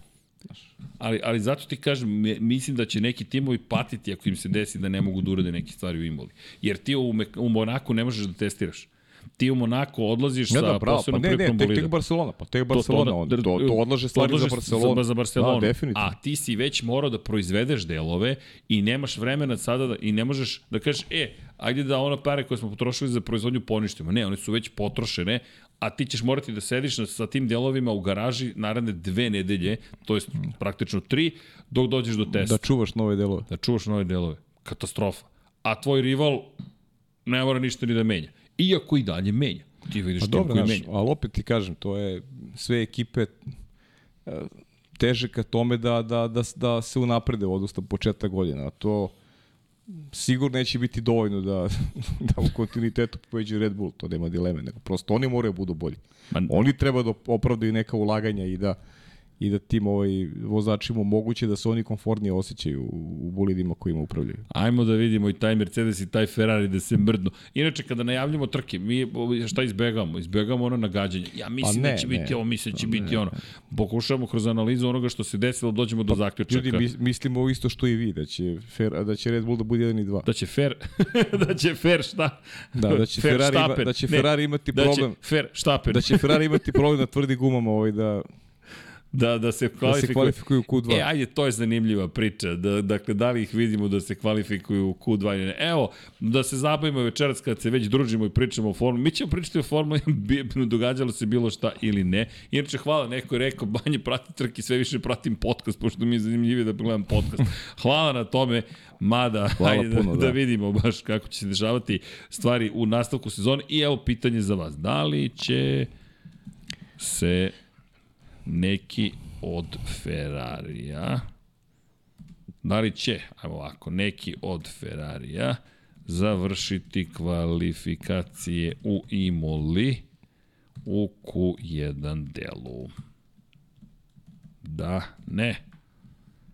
Ajde, evo, pa malo se družimo kad smo već tu. Pozdrav svima, udrite like kada ste već, kada ste već tu u prolazu. Kada dolazi Igor Marković? Uh, Pa možda kad se- prođe ovaj thriller, a? što Šta se mene kažeš? tiče može i sutra doći. Da, ali kad prođe thriller ovih Pa ajde, trka, mislim, pa onda tamo da dogovorimo, ja baš i nisam ni Igora ni čuo jedno vreme, najiskrenije. Sramota. Ali ovaj, mogli bi da dogovorimo nešto doći, da. I to nije, nije prvi, prva osoba koju traži Igora, tako da je red da ga odvedemo, zaista. Da, inače, evo, apropo da, da odgovorimo na par stvari, a to je zapravo pre tri dana Dušan Borković jeste pobedio u TCR-u Evrope, da ne zaboravimo i taj moment. Jeste. Čisto da, da, da, da ne zaboravimo bitan moment, s obzirom na činjenicu da je zabeležio pobedu u drugoj trci. U prvoj je bio drugi, ukoliko sam dobro uspeo da ispratim. Svaka čast. I zaista fenomenalan uspeh i, i zaista čestitke. Inače, Iskreno. pričat ćemo i o Dinu Beganoviću, kratko ćemo najaviti uh, Formulu 3. Pa rekao se, ja sam malo počeo i Da, Valentinu da. Rosiju vredi da, da malo popričamo takođe. Hatch, čovek počeo da se penje na pobjednička postolja i u trkama GT3 vozila. Jeste, sa BMW-om. GT3 vozilo sa BMW-om, prvi put su ove godine sa BMW-om, Maxi Martin i sami, Vale je veliki šampion, to je odlika, on, ono što je meni impresio, taj njegov izjava posle trke. Maxi Martin je, zahvaljujući njegovim kvalifikacijama, smo došli dotle, pritom Martin je počeo trku, ostavio mu je poziciju a, tri, on je zbog greške protivnik u garaži došao do pozicije 2 i sačuvao i stvarno je, stvarno je veliki šampion Vale. Ne samo trkač, nego, nego i to ponašanje i, i onda, onda čuješ Maksim Martina koji je rekao da je, da je njemu posebno drago što došli do ovog rezultata, posebno mu drago zbog Rosije, što su došli do, do tako i baš onako jedna lepa kohezija u ekipu i dobra pozivnica da ispratite i naredne četiri vikenda ovaj, u Sprint Cup seriji za dva meseca se nastavlja ovaj sezona. Možete pratiti trke na kanalima Sport kluba, eto to da dodam. Da, i meni je bilo zanimljivo, pošto u isto vreme bila trka Moto Grand To je najinteresantnije. Njegov, njegov čovjek njegov pobeđuje, čovjek pobeđuje u, u i on prvi put na podijum. A on na pobjedničkom postolju Da. zapravo u automobilu. I onda gledaš, aha, To mu je prvi podijum na automobilu, inače, Da, da. Valentin. Da, u ovakvoj vrsti takmičenja ne računamo Monza, Rally i slično. Da, ovo je takmičenje ovo je gde ozbiljno, se takmičiš tako je. cele sezone, gde se baš boriš i gledamo i kao, ok, čekaj, ovaj čovjek će zaista početi da pobeđuje i izgleda u Da. drugim fazama. I gde podsjeća naravno i onda postaje se ono čuveno pitanje, a to je, jel te, da li možeš i sa sa, sa, sa dva točka pređeš na četiri i obrnuto, da li možeš sa četiri da pređeš Pa na mogu, dva? samo oni posebni, očigledno. Samo oni posebni mogu. Da, a kroz istoriju Formula 1 bilo ih je malo koji su uspevali. Jedan samo je uspeo da osvoji titulu i u kraljskoj klasi u motociklizmu i u Formula 1, John Surtees. Surtees, da. da. Gledat ćemo ove godine, evo počinjam Porsche Super Cup za, za 5 dana, gledat ćemo Jorge Lorenza u Porsche Super Cup.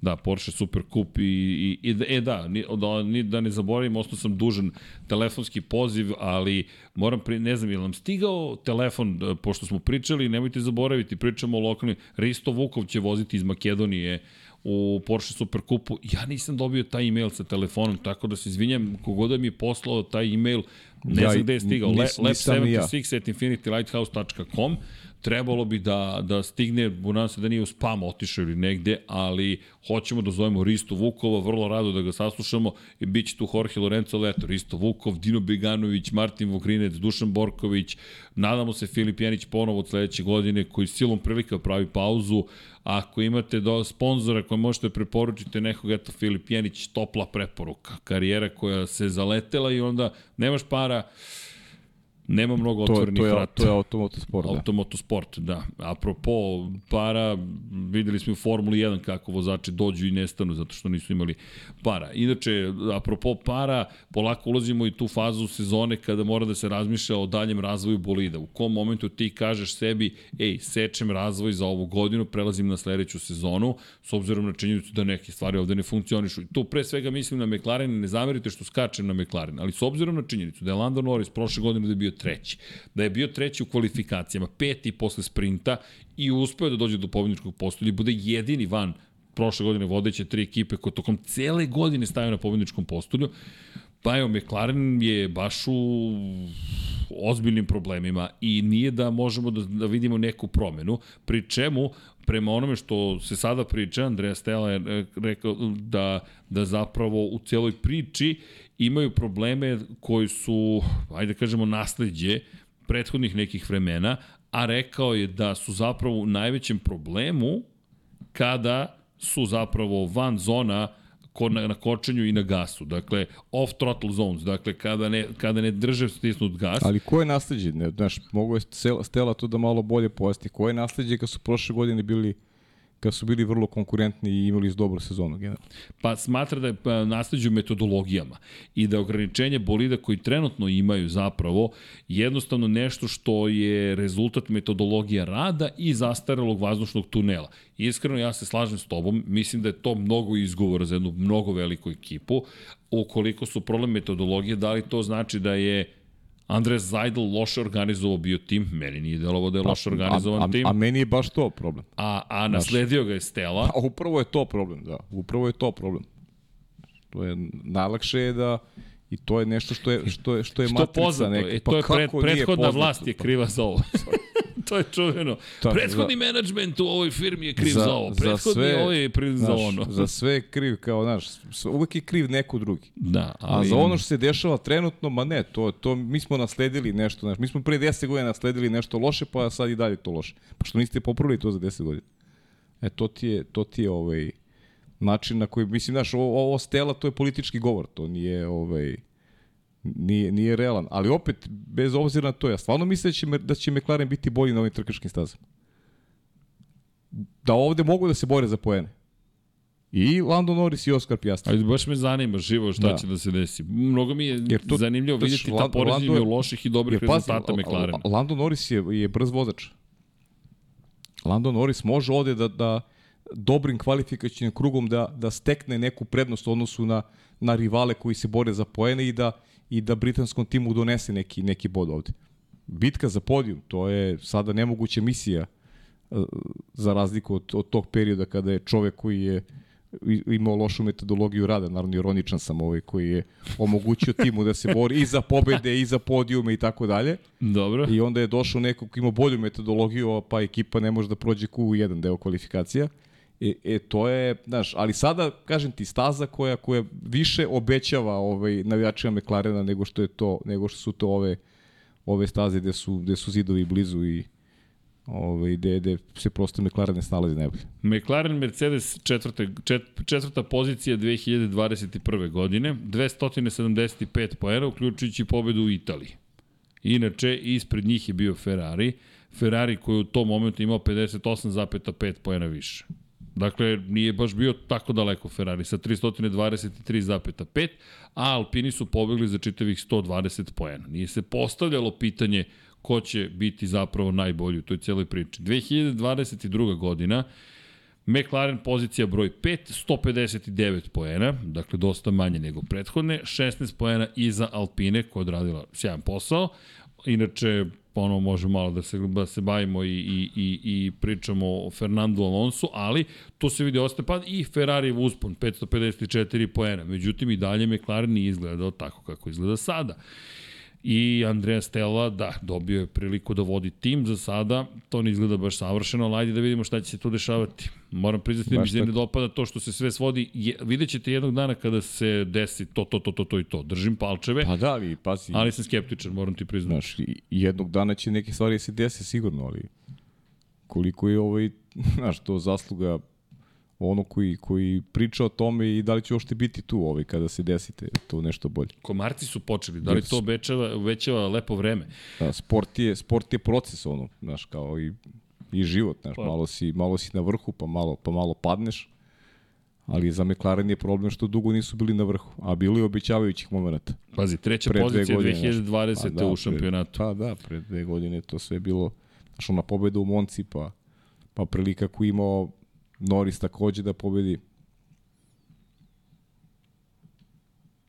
Lando koji je vezan ugovorom, tu nema mnogo priče. Pa da, Lando se, Lando se, ovaj, Lando se sada to možemo da kažemo zarobio. I ostajemo jedino Lando da se zarobio. Ostaje, radi ono što lepo radi, a to je Pa da, da. da se drži da drži ekipu i da govori samo ono što treba da se kaže. Nijednog momenta nije došao i rekao Ne, McLaren ne. je ovakav ili onakav. Ne, ne, Landu svaka čast za Pa to, to je kako ono što ti kažem, od jednog momenta nije imao taj, taj Alonso moment, koji se meni nije dopao u onom periodu kada je McLaren bio loš. Misliš, Honda 2 motor. Pa da, mi- mislim, meni se to ni malo nije svidelo i La- Lando, Lando, Lando to nema. Inače, I, i stoji, stoji čvrsto uz ekipu, što je, što je jako lepo. Znaš, zajedno smo i kada je loše i zajedno smo kada je dobro. Znaš, to ti sad taj moment kako se menadžment ponaša, a kako se ponaša vozač. Imamo, naš, zastarale metodologije rada i ne znam, to su, to su šuplje priče, to je politički govor. A dečko stoji u svoju ekipu, nema nijednog, nema nijednog istupa gde on ovaj, upire prstom u nekog i kaže oni su krivi zato što ja ne mogu da uradim to i to nego prosto živi sa ekipom i i ovaj i kažem ti ja stvarno sam neko ko veruje u tog u tog momka i videćemo ovaj šta može već ovde u Imoli. Imola. Dobro, Da. vozit ću je malo kasnije, vidjet ćete zašto je toliko zahtevna. Ne razmišljam samo o McLarenu, Oskar Pjastri koji ima priliku da vozi bolid Formula 1, napreduje koliko je moguće u datim okolnostima, ali i za njega prilično teška sezona i on se prilično dobro nosi sa time. Imaš ovde inače pitanje, jesi, za, jesi navijač Landa ili Leclera, ali nema tu navijenje, to je samo Nema pajna navijanja, vera ja. zapravo. Pa ja da vera, a ja inače sam neko ko Landa onako vidi i rekao sam vidim ga kao šampiona u nekom periodu. Pre njega nego Leclerc, iskreno. Iako su im pozicije sada popuno drugačije. Ovaj, ovaj vozi Ferrari koji vozi Ferrari čovjek, to je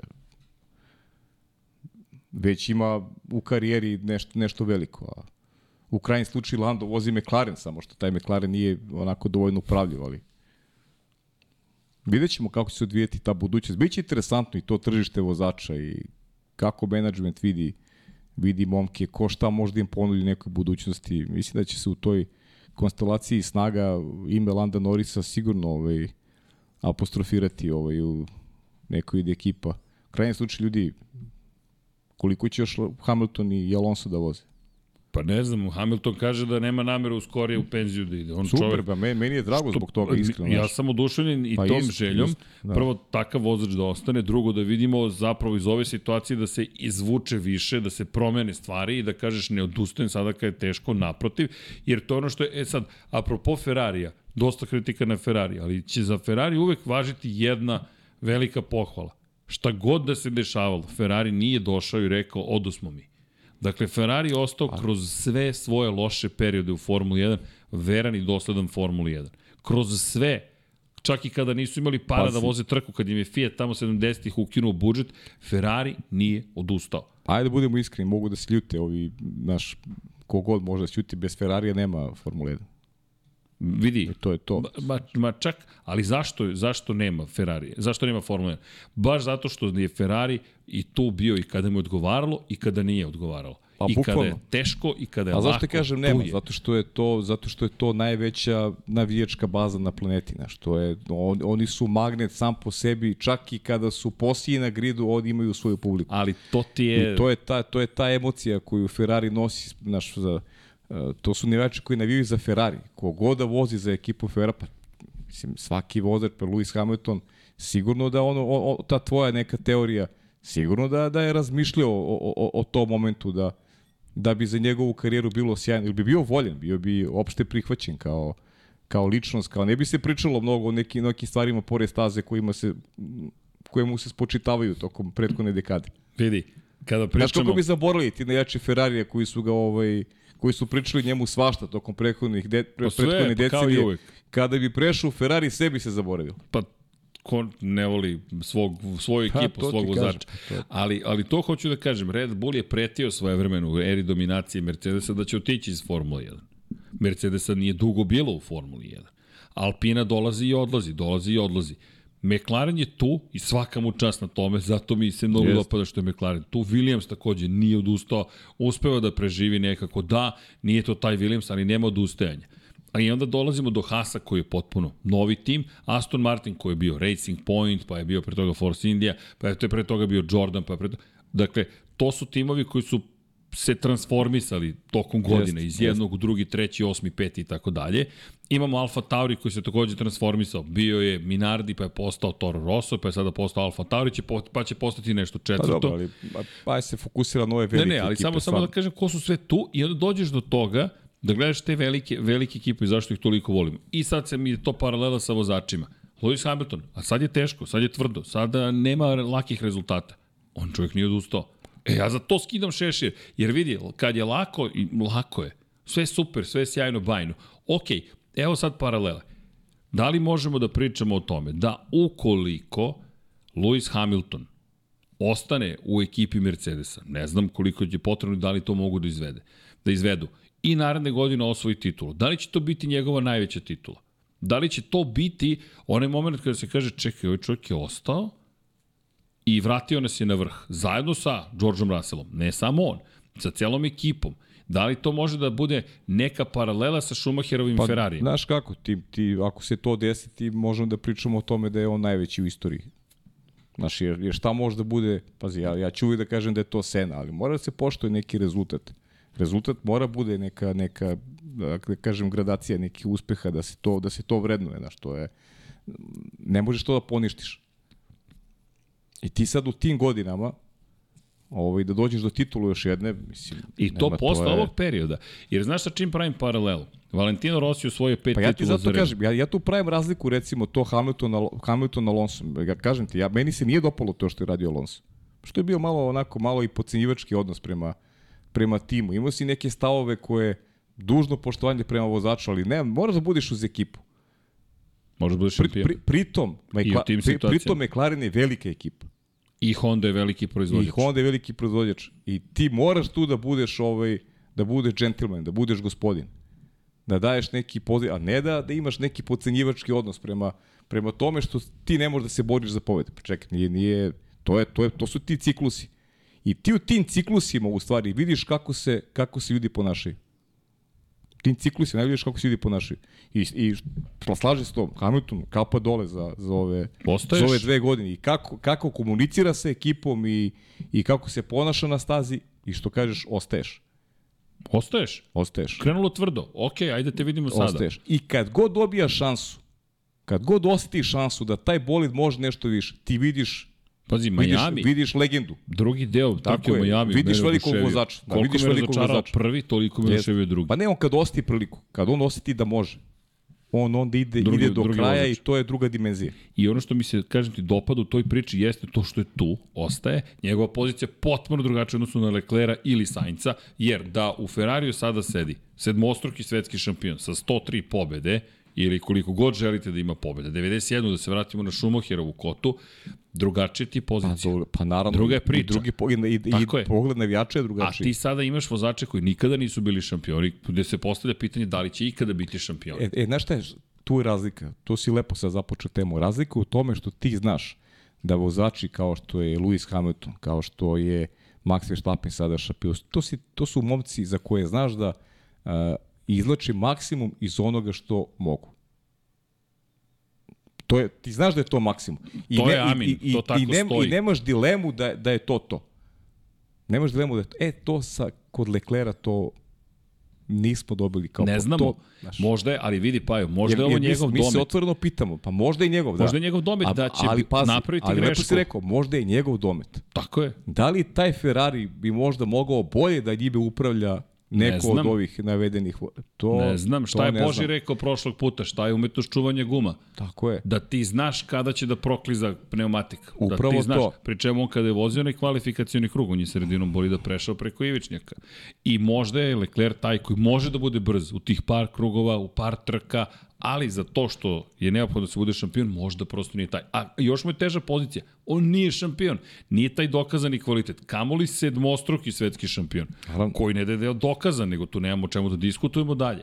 I sad ta cela priča o Ferrariju, Mercedesu i tako dalje, me kažete, mene oduševlja što u ovim poznim danima u s- neke sportske karijere, mada to više nisu pozni za moderno doba, Hamilton kaže, Kad ja sam ovde. Kad pogledamo i druge sportove, znaš, impresivno je koliko ovaj koliko ta stara garda koliko ovaj Ostaje. i to sam ja sad da ne navodim primjer iz nekih drugih sportova, ali sam malo se bavio analizom i i gledam koliko ja pogotovo recimo iz vaterpola koji onako pratim pomno da vidim da da bukvalno jedna ekipa vrhunska ne može da se zamisli da ne može da se zamisli bukvalno bez igrača koji ima preko 35 godina. I to su i to su lideri ekipa. To je stvarno impresivno. E, Iskustvo i te kako znači. Pa da, ali, ali njihova sprednost da, da žive ti sportskim životom, znaš. Njihova sprednost da i, da i dalje imaju to odricanje koje je ogromno.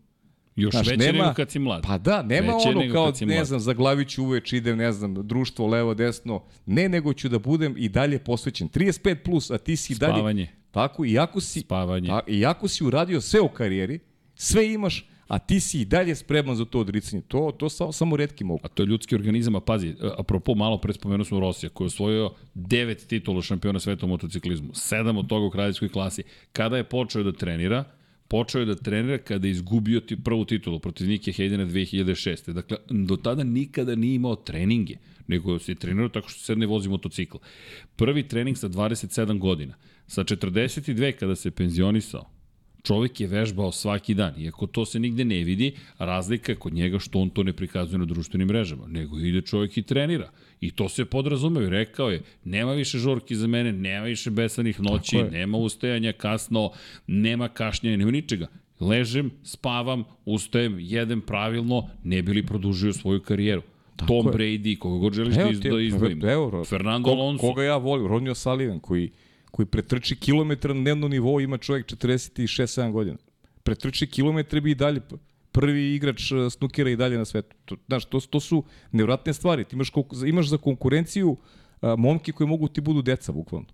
A ti si i dalje fit spreman i svoje telo održavaš A pazi, to je snuker, ali i dalje moraš psihofizički Pa, da budeš... psihofizički, ali, ali, moraš ali, fizički pazi, da budeš aktivan. Ali taj fiz, fizički budeš Tako je, toliko tako je. aktivan da, da, da možeš da, da izneseš ovaj tako zahtevne mečeve. I sad znaš. imaš Formulu 1, koja je fizički, psihički, pre, preozbiljno. pre, pre, pre, preozbiljno. Preozbiljno. I onda Lewis Hamilton, baš me to zanima, Michael Schumacher je dve titule osvojio s Benettonom. Otišao je u Ferrari koji su u tom momentu suštinski raspada, liči na današnji Ferrari. Jeste stigao novi šef, stigao je Jean Todt, stigla je njegova ekipa. Moram da pozdravim posebno Miodraga Kotura. Prvi zaposleni kog je zaposlio Jean Todt, pošto je stigao ekipu, bio Miodrag Kotur s kojim je osvojio do tada titulu na Paris Dakar, to jest na Dakaru, s kojim je uspeo da dođe do, do vrha sveta, bukvalno. Čovek koji inače Jean Todt predvodio i rally tim u svetskom šampionatu koji je bio veoma uspešan i dok su doveli Schumachera, privolili ga da potpiše taj ugovor. Schumacher koji dolazi, to se smatra jednim od njegovih najvećih uspeha. Hamilton se često upravo zamera što je stigao u tim koji je već bio blizu toga da bude vrhunski tim, baš na osnovama što rada Mihaela Schumachera, Nika Rosberga, Rosa Brona i ostatka ekipe.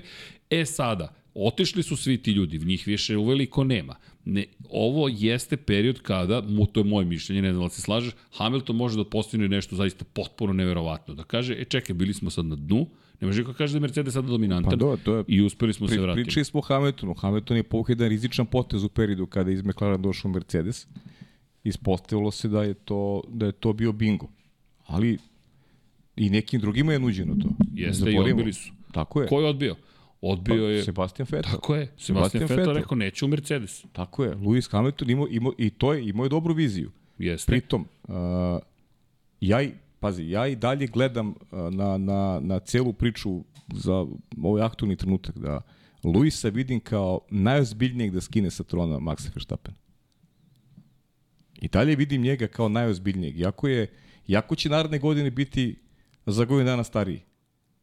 Iako će naredne godine njegovo telo biti uh, uh, onako i teže u prilici da ima da bude u punoj formi. Ali znaš. zato mi je sve ali, to ali, fascinantno. ali i dalje, i, i baš tako, ali i dalje njega vidim kao najozbiljnijeg da skine Maxa Verstappen. Ali ja želim ponovo njihove duele. Iskreno, ono što smo videli u Q2 delu kvalifikacije, kada je Hamilton u Majamiju izleteo na stazu, da juri za Maxom Verstappenom. Mi znamo da to nema nikakvog smisla u kontekstu toga da će sad Hamilton u Mercedesu da ga pretekne. Ne, ne, znamo da neće.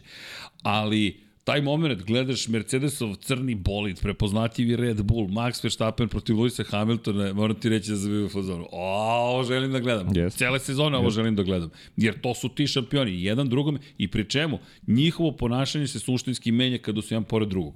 Dakle, ono što će dozvoliti drugima, neće jedan drugome Pa da, dozvoliti. to je tako, tako To je logično. rivalstvo. To je tako I, logično. E, to je ono što čekamo nekako, da se to rivalstvo ponovo rasplamsa. I baš želim to da vidim. Zna Max, Max je već i dovoljno i, i namazan. Namazan i, i iskusan znaš, jeste. Zna, zna gde doba. treba, zna gde treba i kad treba. Znaš. Naučio je, sve je naučio. E, ali pazi, sad, sad mi sad kažete, malo pre sam počeo da pravim paralelu sa, sa Rosim. Nije mi ovo tema pala na pamet, ali mi je palo na pamet sada, tokom celog ovog razgovora, upravo to. Šta je Rossi postigao? 2006. Hayden osvaja titulu, Niki. Nažalost, više nije sa nama. Tragično izgubio čovjek život na biciklu. Pošto je završio karijeru u Moto Grand Prix, mada i dalje bio aktivni vozač u svetskom šampionatu u Superbajku.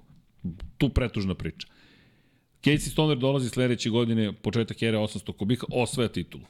Za šta mi je pojenta? Rossi uspeva 2008. godine da se vrati na tron protiv nove generacije vozača koju je on inspirisao, koja je kalila čeli, koja se kalila protiv njega. To je upravo ovo što, se, što je Max učinio.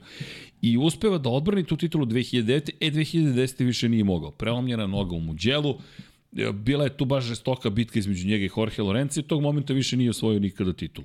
Čuvena kontroverza 2015. i tako dalje. Ali, čak i ta 2015. drugačije bi bila da je Rossi neki klinac koji pokušao da se vrati na tron ili ima titul. Ne, to je veteran veterana koji sa 36 godina nešto pokušava da učini i sad imamo sličnu situaciju. Da li Hamilton može tako nešto da izvede? Iskreno sad mi je tek pala na pamet ta priča. Zamisli, ti imaš 2011. si izgubio titulu. Mogu si da budeš najuspešniji po broju titula. 2000 do 2021. 2022. ne uspevaš ni da budeš blizu borbe za titul. Nemaš ni pobedu prvi put u karijeri i prođe sezona bez pobede. Ove godine pitanje je da li možeš do pobede ponovo. Pa do, mož, možda do pobjede, ali do titula ne možeš do sigurno. titula ne možeš sigurno. To su tri godine bez titule. Jeste. U Formuli 1, u kojoj jednu godinu kad se nešto desi, ti si već... I pritom, i pritom stariji si, to što pričamo sad. Znaš, Sve stariji stariji. Si, stariji si i telo ti teže prihvata neke obaveze koje su, koje su za vrhunskog sportistu normalne. No, bukvalno normalno. A ti ideš i dalje, i guraš, i I guraš, i, guraš, i gaziš, guraš, i, da, da. gaziš, i, i, i, i sebe, ovaj, sebe štipaš da, da, ovaj, da ne odeš u nekom, u nekom, principu, ja, ja, ja se tim ljudima, ja se tim ljudima divim. Jer, Apsolutno. Jer ja, ja, ja, Ja nemam tu disciplinu. Ti, pa ja nisam ni blizu.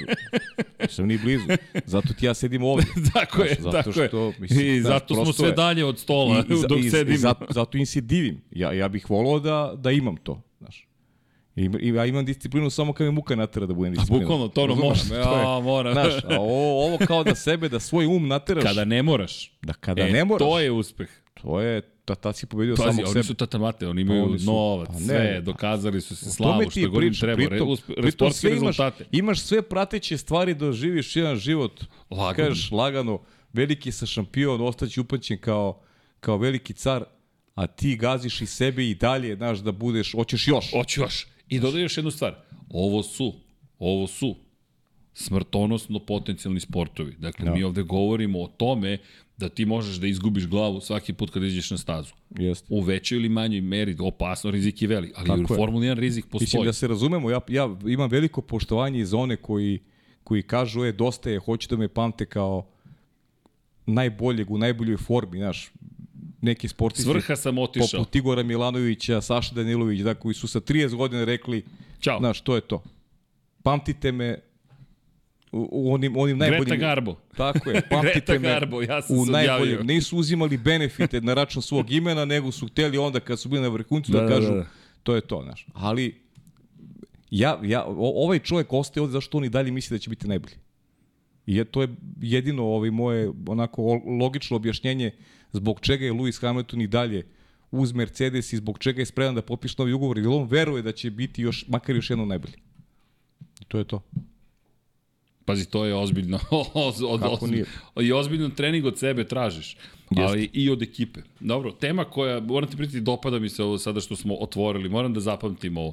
Jer ovo je zaista velika stvar. Kada razmisliš, ako uspe da se vrati na vrh, pa to je to. E tad možeš da kažeš ljudi, kao, ali pazi sad šta mi je zanimljivo, Tom Brady, otišao iz Patriota, odmah osvojio titulu sa Tampa Bay Buccaneersima, pokušao još jednom O, rekao idem u penziju, onda se vratio, pokušao još jednom i rekao je sad stvarno idem u penziju. Znaš, koliko te to vuče? Ti kažeš ma idem, pa ne idem. Pa on je čak žrtvovao neke od, neke od zaključaka su da je žrtvovao porodicu na kraju. Da mu je zapravo gospođa rekla kada odeš u penziju to je to. I on je rekao, "E, ne mogu, moram se vratim da igram. Usledio razvod između njih dvoje, Žizel Bunčen i on su se razišli i onda je na kraju rekao, ok, gotovo. Dakle, koliko stavlja, i to ono što ti često napominješ kada pogledaš, Lewis Hamilton još nema porodicu formiranu na način na koji imaju drugi vozači, kao konkretno Sebastian Vettel. I Vettel je rekao, ne, porodica na prvom mestu. Pazi, skladna je porodica ako imaš tu, tu razumevanje znaš, za, Jasno. za potrebe, ovaj, znaš, tako da, ajde, da ne ulazimo sad u tu temu, jer ne znam, baš ne, ne pratim najbolje, znam ko je čovjek, naravno, ali jeste velika razlika između Alonso i Hamiltona i nekih Fetela konkretno, Jasno. što, znaš, nemaju, ovaj, nemaju decu još, ti su tu negde, ovaj, ostvareni da možda gledaju stvari drugačije, ali, Ko ali opet, opet to ne umanjuje sve ono što smo rekli na, na račun Luisa Hamiltona i, i, i, i njegovog ovaj njegovog načina življenja kako bi kako bi sebe još jednom doveo do do pozicije da bude najbolji na svetu. Da, inače, kada, kada o ovome pričamo, prosto, eto, to su nam zanimljive teme i kada najavljaju trke, inače, kad se nešto desi, ljudi, rekli smo, nećemo da idemo da glumimo, da znamo šta će se desiti, ne znamo, zato de, je to lepota pojma. čekanja Da. vikenda, ali ono što jeste, ajmo, i da postavimo pitanje, da li Sergio Perez može nešto više ili ne. Ovo je za mene ono što sam rekao na početku, test toga da li je Sergio sada dorastao. Ovo je trkačka staza, Jeste. ajmo da vidimo Sergio u ovoj situaciji, da vidimo, jer stanje u šampionatu je dalje otvoreno kada pogledamo odnos između njih dvojice i na njemu je da izdrži što duže može. Jer ovo je bukvalno trka izdržljivosti. Da on izdrži i da ne popusti i da ne kaže, ok, zaostajem previše. Trenutna razlika 14 bodova. to nije mnogo, zaista nije mnogo i da je da pričamo sad Hamilton da ima 100, 106 poena i da pričamo 105 zapravo poena, pa bu, čeka, ovo je ta savršena sezona, sad bismo ovde skakali sa stolice Pa, Ne i tako bismo dalje. se mi bunili da su, da su u Red Bullu Max i Lewis. Pa, pa, svakako To bi ne. nas vratilo onaj period Sene i Prosta i nikom nije smetalo tada što niko ne može da pobedi Senu i Prosta, jer su jedan drugog stavljali između onako izazove. Ali Perez ima najbolju početak sezone u karijeri, dve pobede, dva druga mesta, jedno peto. Emilio Romanji je počeo prošle godine da ostvaruje mnogo bolje rezultate. Tad je nekako počelo sve u Saudijskoj Arabiji došao do pol pozicije, četvrti je bio u toj drugoj trci, pa je onda krenulo drugo mesto u Australiji, pa je došao opet drugo mesto Emilio Romanji, dakle u treći bio u sprintu, nekako su kockice počele da se slažu, I, da ne zaboravim, posle toga su tek došli Miami, pa Španija, pa onda išao Monako. Dakle, mi kada pričamo o, o, o nekim stvarima koje smo videli prošle godine, pravimo neke paralele, možda Perez iznenadi, možda kaže, čekajte momci, polako, prerano ste me otpisali, imam ja ovde šta da kažem i da uradim. na trkačkoj stazi nema šta tražiti. Teško, ali eto, to neka ostane pitanje otvoreno, da vidimo i Perez šta će tu učiniti. Što se tiče Ferrarijevaca, opet, da vidimo unapređenje, da vidimo vremenske uslove, da vidimo ka... Jer je ovo je za Ferrari veliki test psihe, moje Jeste. mišljenje. Mislim da će ovo za Leclera biti test zapravo pritiska publike. Pa da, za I za za Leclerc je te zato što se od njega i više očekuje, znaš, opet, kažem, staza, on je taj koji je brži od, od, od Carlosa Sainza i on je taj koji treba da isporuči bolji rezultat sad. Vidjet ćemo kako će ovaj, to sve izgledati. Malo spretim da se ponavljam, ali prosto Pa dobro, to je ali- ono što mi prva asocijacija, generalno kada govorimo o njima, dvoj, o, o, o njima dvojici, da, da moraju da, da za sebe da se izbore, da ubede menadžment da su vozači koji u narednom periodu mogu da vode Ferrari. Gde? Ja ne znam gde, stvarno, ne znam šta su limiti, jer mi ne znamo šta je biznis plan Frederika Vasera, šta je to čemu on teži, E, znaš, da li će pre svaku sezonu da se priča o šampionskoj tituli, a onda ćemo po četiri trke da govorimo kako treba vremena i kako ovaj, je sad tek na pravom kursu i kako on sad zna šta, de, šta, šta, šta treba da se radi. Znaš. E, to je... Treba kaže čovjek šta je konačni Znaš- cilj njegovog dolaska u Ferrari. Mogu te pitam nešto? Jel se sećaš gde je potekao kada je reč o Formuli 1 Andreja Stella? Da, pa dobro. Da. u Ferrari Pa je dobro, potekao. naravno. Pa Te da, pa mi te pričaš- pričaš te izjave, da, da, pa da. izjave Andreja Stella me podsjećaju na to. E, kada pričaš o dokazivanju vozačima, Da li je najveća tema možda Daniel Ricardo koji se E, priprema bravo, jeste, da. za Navodno da je dao otisak. da ovaj, otisak svojeg da. tela za sedište da za Alfa sedište Tauri. Za Alfa Tauri, da. Nick De Vries, kako došao tako ošok, izgleda da će se desiti. Pa da, izgleda su, da, da si u pravu bio kada si ovaj, nagovestio bi mogao dobiti otkaz. Ja stvarno nisam mislio da će to tako brzo se dogodi nužno, ali evo, vidiš da se, da se priča, da nisu te priče bez osnova, izgleda. Pa mislim da ga Juki otpušta. Tako da. Iskreno, to je tipično već za, za Alfa Tauri, nekada Toro Rosso. Meni se, me, moj utisak je, svima je utisak da je Helmut Marko taj Pa koji da je iza će, svega. da li će Ricardo možda uspeti da otpusti Juki onda? E, ali ajmo da, aj, e, ali sad pitanje, Daniel Ricardo, da li Daniel Ricardo treba da ode u Alfa Tauri? Da li je to potez koji je njemu potreban? Ti si sada vozač broj 3, ti sada si više egzibicijni vozač nego bilo šta drugo, možda čekaš šansu da uz Maxa Verstappena dobiješ ponovo priliku da voziš, da li ako se otvori Alfa Tauri, Daniel Ricardo, pa, prvo ne znamo koji ugor, da li sme da kaže neću, i druga stvar jeste da li da vozi za Alfa Pa Tauri. dobro, ali sećaš se da smo pričali da zajedno sa Dekijem. Malo smo ga stavili u ulogu cirkuzanta. Znaš, neko ne ko malo. zabavlja masu, koji je simpatičan ono, pojavom, pa Privlači znaš, pažnju. voli ga, voli ga devojke, znaš, ono, voli, pa gurneš ga negde to kao show run neki, doći zbog njega ovaj veliki broj ljudi. E sad, dolazimo sad do priče o njegovim motivima. Da li postoji dalje njegovi ti sportski motivi? I ja bih volao da ih vidim, da on kaže, ok, ja hoću. A da li ti put to preko Alfa Taurija? Pa, kako bi ti rekao, nje- njemu je bilo, pa, da li postoji drugi put za njega? Pa vidi, da li, da li čeka to priliku da se otvori ne, nešto u Red Bullu, da li možda čeka neku nevjerovatnu ponudu, da li će još neki tim reći čekaj, ajde te mi dovedemo Ili da imamo. misliš, ili misliš a, ali, ali čekaj, a, ako čeka neku nevjerojatnu ponudu, on mora negde da pokaže na stazi da je on zaslužio tu nevjerojatnu ponudu. Sedeći na nekom show ranu, odlazeći, sedeći u garaži i smeti se po ceo dan, mislim, ponude neće biti. Moraš da, moraš da, ovaj, da, da, da pokažeš, evo ti najbolji primer, da, da, ovaj, da dokaže da nije bilo do De Vrisa što ne može Alfa Tauri rezultate. Razumeš? A šta ako bude isti kao De Vries? E, pa onda, onda je doviđenja. Onda se vraćamo na showrun zauvek. I, aha, misliš, ostaćemo makar tamo. Pa, ostaće činjenica, showrun To zauvek. si upravo. Dakle, Alfa Tauri, ako se otvori prilika, kažeš, najde da vidimo šta može da se uradi u tom Alfa Tauri. Pazi, Juki, znam da ti nisi oduševljen, ali ja sam u ovom momentu oduševljen Jukijem Cunodom, 11, 11, Meni 10, se, meni 10, se više 11, sviđa 11, Jumu i 11. Vasa i ovo, ja sam nekako... Pa dobro, dva Japanca njega. u Alfa Tauri. A da li je to realno, znaš, dva Japanca Alfa Tauri? To, Ne znam. Ne znam. Ne znam, iskreno ne znam. Ali evo šta je realno. Koleginici iz prodaje bacuje jednu reklamu. Nova knjiga u prodaji Grand Prix Grad 1950-2022. To su svi rezultati mogući koje su se desili do kraja prethodne sezone.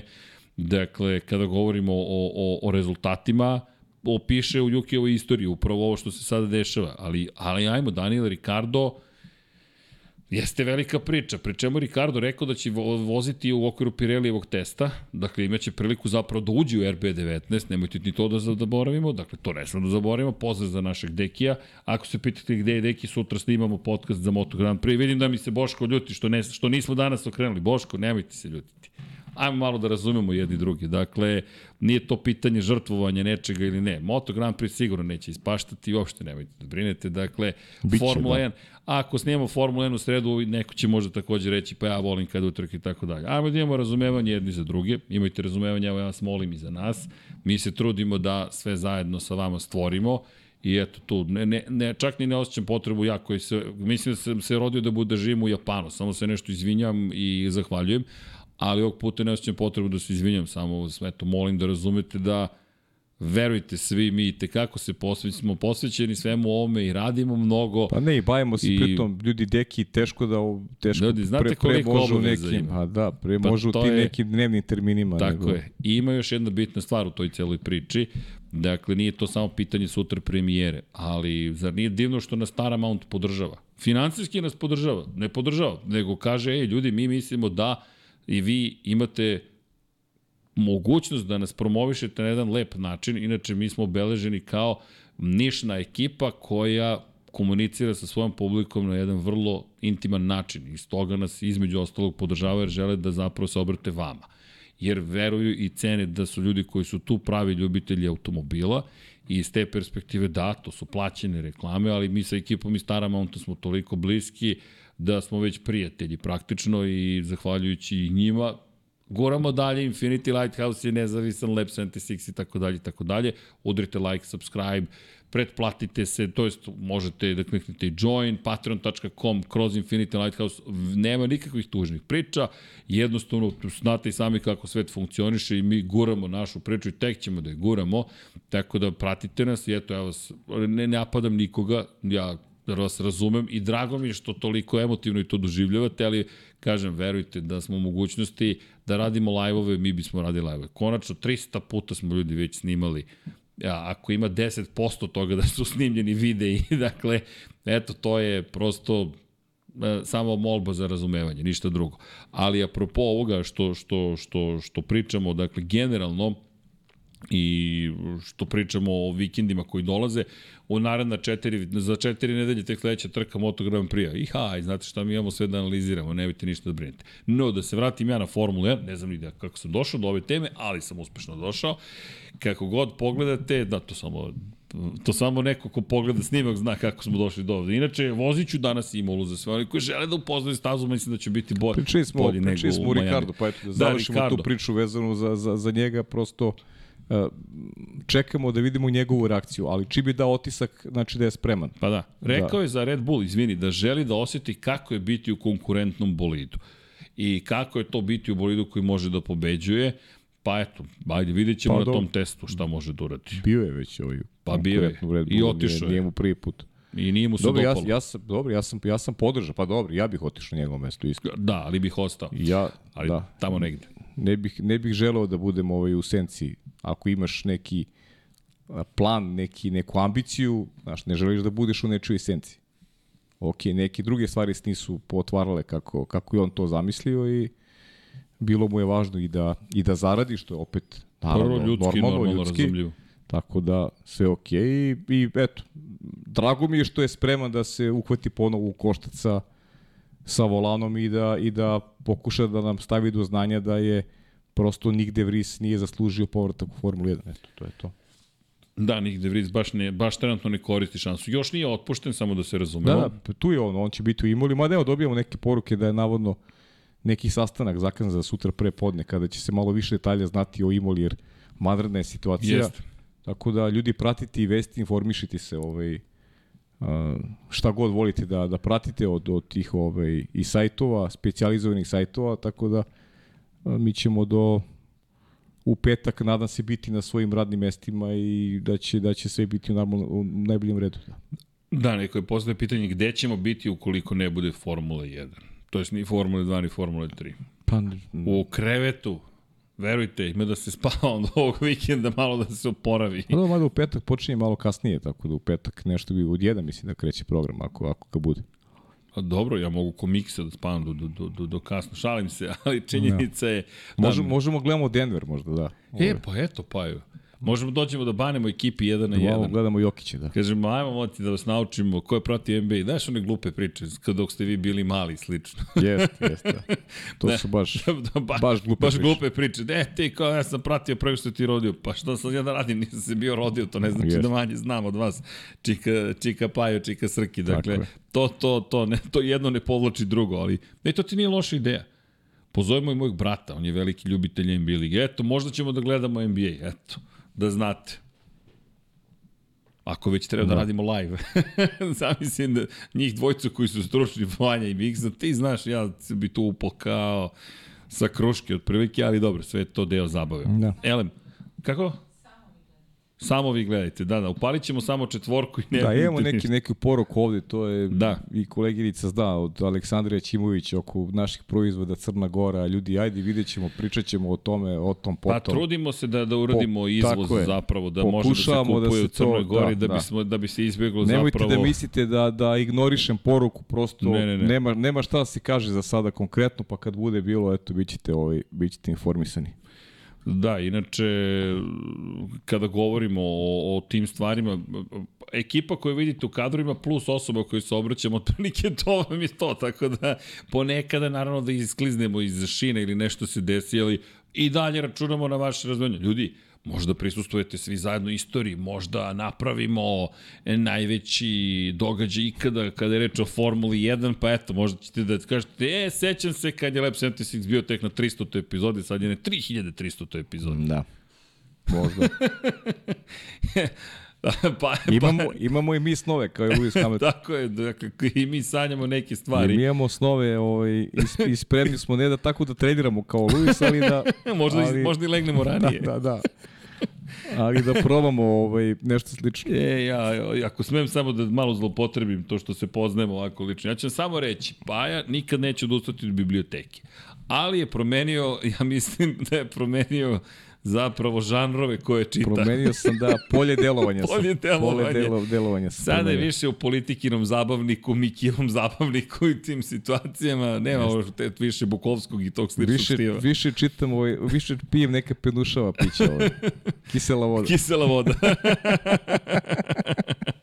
Tako da, znate, Dobro, ali, si, to- ali si dalje čita. Ali da ti kažem, znaš, to je, bitno je da si spreman, to je sad ono, znaš, odricanje, Hoću da te pohvalim, ali da, zaista. bitno je da si spreman za tako nešto, znaš. Samo bih vam rekao, Paja vas neće nikada izdati za, za, za, za, za biblioteku, htio dok reći nešto drugo. Ne, ne, ne, nikad, Ali nikad. mislim da je sad on ušao u Hamiltonovu fazu. Dakle, zamislite samo da ste u biblioteci, a ne smete da čitate svoje omiljene knjige. Već to je užas. morate samo... A da pritom, da pritom gledaš ostatak o ekipe Koji se kako, kako čita, kako čita knjige. kako čita. I A kratke ti, romane ti i duge gledaš, romane. Ti gledaš samo korice. Samo korice vidiš. I efekte tih knjiga na njih. Vidiš samo korice, znaš, sa, a sadržaj ti nije dostupan. Samo za mlađe od... Šta se radi, znaš, to je... to, to, to, To, to su faze, znaš. To su faze, I bitno je prihvatati sa osmehom ovaj, da nema Pa ništa. to znaš, je nema, poenta. nema, nema patnje, nema, znaš, nema drame, nema samo ide čovjek dalje i to je to. Dobro. Ko je Da. razumeo, shvatit će, Nadam ko da nije. razumeli su ljudi. Mislim da je svako razumeo. Ovaj, nas, nas Da. gledaju inteligentni ljudi, tako da su Definitivno. da, da, sve su razumeli. Dosta smo dobili knjiga tokom ovih par godina. u svakom smislu te reči. Da, srećem, samo ja mogu sad da ih čitam. Problem je što se ja brzo umorim od čitanja. Mene da. brzo glava zaboli od razmišljanja. Brzo te uhvati do, dobra knjiga. dobra knjiga me brzo uhvati. Da, dobijem inspiraciju da brže pričam. Da, da, da, da. Da. da. I tako, da, da, dobro, pa bar nam je lepo što se ponovo viđemo. E, moramo da spomenemo... Što bi rekao jedan moj, ovaj, malo, malo, malo se našli, malo apropo te biblioteke naš. Što bi rekao jedan moj poznanik, jedan, da. jedan od jači koje sam čuo. E, ljudi, ljudi, popite nešto, uhvatit će vas priča.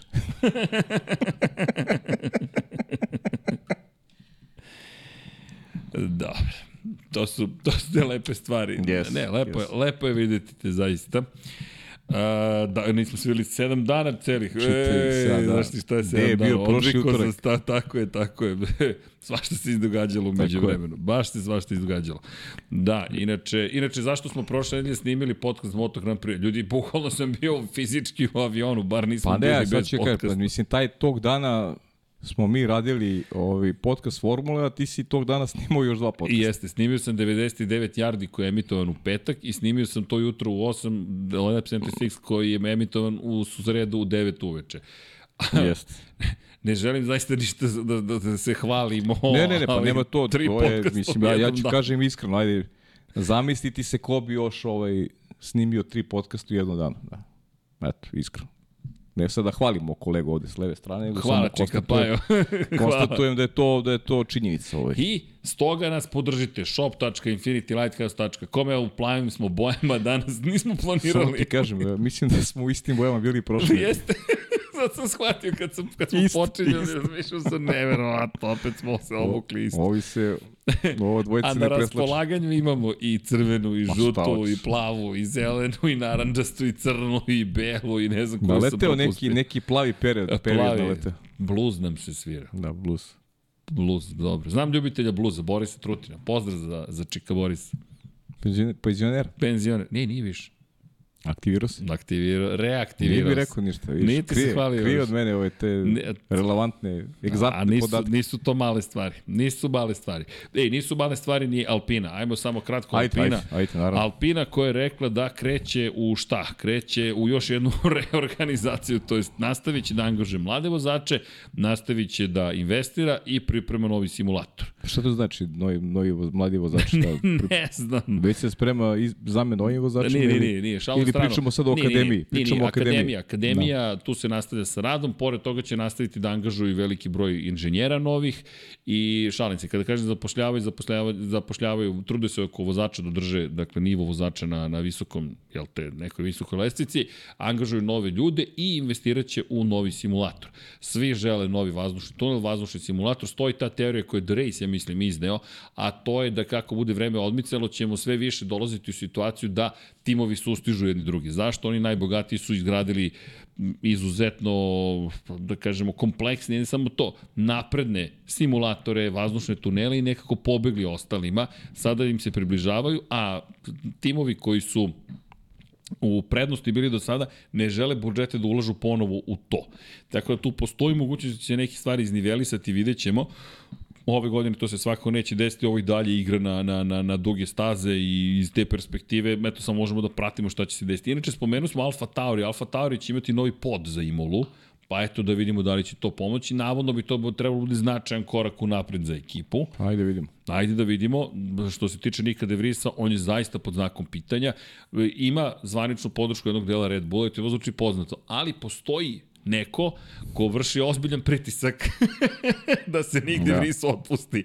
Ja znam ko je, ta, da, ko je taj neko.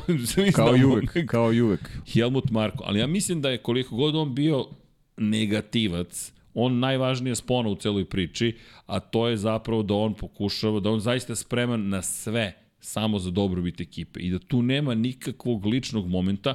Konačno, setimo se ko je vratio Pa dobro, otpuštenog Danija Kvijata u ekipu. Možemo da, Helmut da, Marko da, ga je da, vratio. priznaje, priznaje u neku ruku grešku. Tako je. Ali, znaš kako, uvek mora neko da ima, da, da postoji neko ko je spreman da, da, Da povuče znaš, težak da povuče potez. težak potis, jeste. Ti često se suočavamo, imamo mnogo primjera srđene i u okruženju, znaš, kad ti vidiš da ljudi znaš, odugovlače sa stvarima koje su, koje su ovaj, egzaktne, koji vid- vidiš da prosto tu nema materijala, a znaš, stalno kao ne znam, ne Sutra, znam, sutra, sutra, žao, preksutra, žao mi je, naksutra. ne mogu, znaš, nemam srca da to uradim, znaš, to, to su, znaš, to su ti stvari koje, koje su negde u skladu i sa nekim, sa nekim, ovaj, pa ljudski su u krajnjem slučaju to, nema svako tu, tu ovaj, u Žicu. sebi tu žicu. Tako je.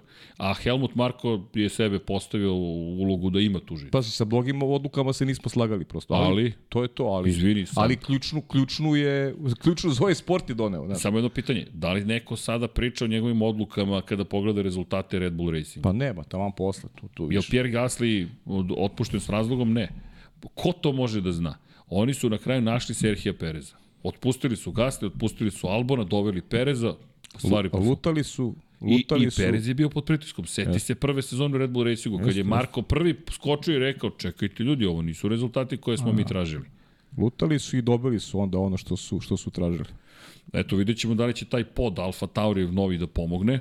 Konačno i ovo je za njih domaća sta... Ovo je bukvalno za njih domaća inače trka. E, Toro Rosso se nalazi u, to je to, izvinjam se, Alfa Tauri se nalazi u Emiliji Romanji. Dakle, mi govorimo o ekipi koja je tu zaista domaća. Dakle, kada pričamo o Imoli, to je, to je njihova staza, to je njihov region, to su njihovi ljudi. I, I saopštili su oni na društvenim mrežama da u ovom trenutku situacija jeste teška. I zaista nije uopšte ni malo prijatno. Mi se nadamo, ja se nadam iskreno samo da će sve biti bezbedno. Dakle, to je najvažnije. Sve ostalo se lako, da, da li će trke biti ili ne. Pa, bit će nam krivo ukoliko ne bi. Biće nam mnogo žao za sve koji su kupili karte, eventualno se ne održi. Ali između ljudskog života i održavanja trke ne postoji uopšte pitanje, nikakvo. I ja iskreno nadam se da, da, da prosto će se stvari smiriti. Pre svega da te bujice i pre, preplavljene reke neće naneti pre svega gubitak ljudskog života, povrede i potom bilo kakvo zbiljno Slike štetu. koje sada možete da vidite po tim društvenim mrežama nisu obećavajući. Naprotiv, izgleda baš Loše. baš loše, ali nekako A imamo mi još nekako, dva nekako videa često i zapravo. dobijamo, ali i dobijamo neko i fokus i bude na tim slikama koje su onako baš Dramatične. Ovaj, dramatične. Tako da vidjet ćemo, treba sačekati, biti strpljivi, ići od dana do dan. Ljudi, utorak i danas ima, ima do, do, do petka, pogotovo do vikenda ima, ima dovoljno vremena da se stvari promene. Da, inače, kasnije ćemo malo da se provezemo imolom, da vidite zapravo kako to izgleda. Pa kad god budeš teo, da, Pa manje da, više. pa, pa evo imamo par stvari, pošto će Alfa Romeo voziti. Inače, približava se i no, izda, izdavanje nove igrice F1 23 se približava. Nadam se da ćemo ponovo ove godine imati priliku da relativno brzo dođemo u priliku da testiramo. A kada govorimo o testiranju, dakle Alfa Romeo je davno dozvolio zapravo da, da imamo njihov bolid u simulatoru, simulatoru, koliko je simulator, i spomenuo bih Valterija Bottasa koji je rekao da Alfa Romeo definitivno, to jest da je Alfa Romeo definitivno potreban novi, novo napređenje i novi delovi da su neophodni za Imolu, pa ćemo vidjeti takođe šta Alfa Romeo priprema, šta je to novo što se desilo. Na prethodnoj trci bilo je tu znakova optimizma, odjednom Bottas u boljem raspoloženju, veća brzina, bitke koje su doličnije onoga što jeste i što je do sada postigao u svojoj karijeri Valtteri Bottas, pa eto, da vidimo da li će se zaista nešto promeniti. Jedini poeni koji trenutno ima Valtteri Bottas jesu poeni koji ostvario na prvoj trci sezone. Guan Yu Zhou bio 9. u Australiji, 8. bio Bottas u Bahreinu, dakle nešto tu mora da se promeni. Što se tiče Alpina, nismo ni spomenuli vozače, čekamo, ne, ne znam, nekako meni i dalje jedan pa nema šta. problematičan ut, u, utisak i kada je reč o Okon i Pa kada je da, Piero, ali, Piero Gasly. meni se ne menja, znaš, ne menja mi se ovaj pogled u odnosu na prošlu godinu. Njima se dogodilo samo dogodio im se Aston Martin, to im se dogodio odnosno na prošlu godinu. Aston Martin jednostavno Da, promenio stvari. promenio apsolutno stvari, jer, jer ti Alpinati, Alpina je tu na negde na, na istom nivou kao prošle godine. Samo ih je, samo ih je Alpina, pa samo ih je Aston Martin gurnuo za, za lesticu niže. Jasno. I to je to, nema, nema tu sad neke, neke, neke drame. O, ono što je suština nisu napredovali, ali su ostali su na istom nivou. I, Znaš, ni, ni Fernando Alonso prošle godine nije donosio Alpini neke senzacionalne rezultate. Čak je, čak je Esteban Ocon bio pouzdaniji tokom godine. Re, da budemo iskreni. Pa da, u nekim situacijama, ali pazi, i bolid se nije toliko kvario kod Esteban Okona. Jer prošle godine je Alonso baš imao probleme kada je reč o, o, o, o izdržljivosti tog bolida. Čak mislim da ga je to u velikoj meri nateralo da razmisli o tome da li je ostati Alpini, još pride kad mu nisu ponudili ugovor i rekao, ok, idem. Ta čuvena priča sada, Lorenz Stroll koji ga zove i kaže, ti beš imaš ugovor za sledeću godinu. I Alonso kaže, pa nemam. Pa da pričamo, pa da pričamo. Stiže ti ponuda, pap, stigla ponuda to veče. Tako se završava posao. Inače, hvala, dobili smo, evo, našli smo uh, mail od Viktora Šumanovskog. Aha. Hvala Viktore, tako da imamo telefon da Rista Vukova. Bravo, super. Opa, pašće poziv, pa da vidimo da li može da nam gostuje. To bi zaista bilo lepo. super. U Porsche Super Kupu da se ispričamo s čovekom i da vidimo kakvi su planovi, hoće da pobedi Jorge Lorenza i tako dalje. I ne samo Jorge Lorenza, on je zvučno ime, ali ima tu zaista dobrih vozača i opet nekako nama dvojici, možda smo mi samo emotivni, mi se tako vežemo za, za događanja, pa, pa je dobro, da. simpatično da, da pratimo. Pa, mislim, A imaćemo šta? kad već radimo, naš, ovaj, Uključiš se nekako u pa celu priču. uključiš se, a mislim, realno, nema tu neke ovaj, vrhunske zabave na stazi, nema mnogo preticanja. Ima u kvalifikacijama više zabave. Ali, tako je, ali bo, prošle godine je bila sjajna, sjajna za titul. Jeste. Baš je bilo dobro. bitku tokom, uh, tokom čitave godine. I, A- I konačno Dylan Perire je osvojio titul. I brani titulu, pa da Tako vidimo je. šta će moći da Tako je. učini. E, samo ne znam da li je ostao u šampionatu ili ne. E, to sad, nisam se fokusirao iskreno ti kažem na, na spisak vozača. Kao da znam da je, da je menjao nešto, ali nema me Da, držati za ne, reč. isto, isto, nisam me gledao. držati Znači, za reč. Mislim da je otišao to, zapravo. mislim ali... da će to u četvrtak da pogledam. Iskreno da, ti kažem. moramo da počnemo da se pripremamo. Inače, Enzo i Dino Ferrari staza, to je Imola. E da, dobre su šale. Dakle, šale su sjajne na, na, na račun zvaničnog sponzorstva, to je zvaničnog naziva ove velike nagrade. Nismo ni pokušali da stavimo naš thumbnail, pošto je to na jednom nivou nemogućnosti, ali ja moram ovo da pročitam za one koji eventualno nisu videli zapravo kako je nazvana zvanično trka. Dakle, slušaj ovo. Formula 1, Qatar Airways Grand Premio del Made in Italy e della Emilia Romagna 2023. dakle, izgovori, izgovori. U svakom slučaju ono što svi znamo jeste Imola. I to je ono što je najlepše od svega. Evo, obrni, kreni, jedna reč sve opisuje Imola, ali da ispuštujemo. Inače, uz Porsche Super Cup kreće Formula 2, kreće Formula 3, nećemo ih zaboraviti kada spomenjemo te niže kategorije, da ne pobegne samo i priča o nekim drugim timovima. Većinu smo spomenuli, ali imamo još dva, samo kratko, Haas i Williams. Williams koji... E, dobro, za Haas je, e, za Haas je važna trka, 150 trka. Tako je, imaju... 150 trka za Haas, da, eto vidiš, to, sam, to, bih, i, to bih i zaboravio. Da, da. A Da. to ne smemo A da to ne sme zaboravimo, da, da, ba- baš lep jubilej za njih i eto, Kej Magnussen, Niko Hulkenberg. E, dobro izgledaju. Šta, pa šta reći, Srki? Super znači, su. jedina dva vozača koji su završili sve trke zajedno sa Red Bullom, eto, to je možda i ono, ono što, što i raduje i Gina Hasa i Gintera Steinera, ima tu usput se osvoji neki poenčić, tako da sve to, sve to iz njihove, onako, iz njihovog pogleda jako lepo. E, iskreno ja im držim palčeve, volio bih da nešto urade, koriste Ferrarijeve motore, pa eto, Da. može to biti dodatni motiv. Kevin Magnussen na prethodnoj trci poen osvojio, fantastična vožnja, Niko Hulkenberg me ono jedno sedmo mesto iz Australije, žao mi iskreno što nije uspeo da nekako isplete. Zamisli da se u Hasu domogao pobedničkog postolja. Šteta, Pa, bilo bi. pa to, onako, iskreno, mislim da bi to bila vrednija fotografija nego tri šampiona na pobedničkom postolju.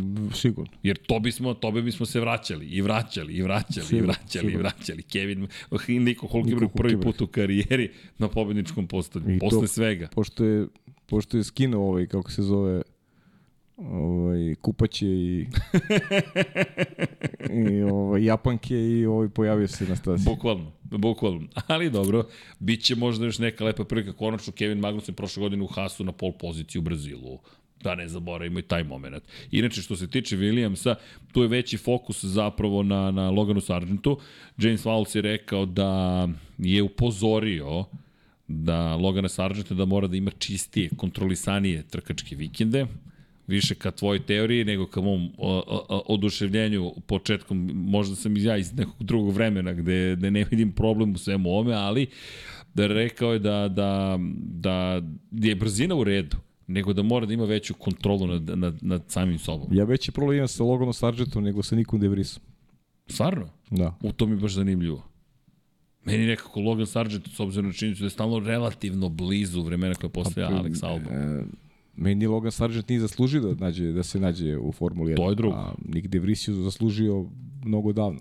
I, i nekog kalibra, kalibra vozača Nika De Vriesa, s- kapiram da zaslu, znaš, traži malo, malo ipak više poštovanja i, i nešto dužu priliku ovaj, da, da ovaj pokaže da pokaže ovaj svoje umeće ili pak je ovo onako sad neka intenzivnija prilagodba na, na, na ono što treba što treba ovaj da bude i njegov fokus jer ajde možemo da tumačimo da je ta Monca prošle godine onako bila malo i proizvod možda i srećnih okolnosti i tako dalje da smo požurili sa nekim velikim rečima, ali isto tako ne bih na osnovu malog uzorka pravio konačan sud o Niku De Vrisu. A, pošto obojca i svi naši gledoci prate pomno i niže serije, i, i, i, i Formulu 2 i Formulu 3, ja mogu u sekunde setim 10 vozača koji su pre zaslužili priliku Logana Sargenta, ali dobro, to je sad opet stvar, ne znam. I sponzora i... Nekog sponzora odabira na osnovu geografije, a Tako ne, je. ne Nacionalnosti, ti Pa, otvaraš da, neko da, to tržište kažem, potencijalno. to To je ono što je Boži rekao.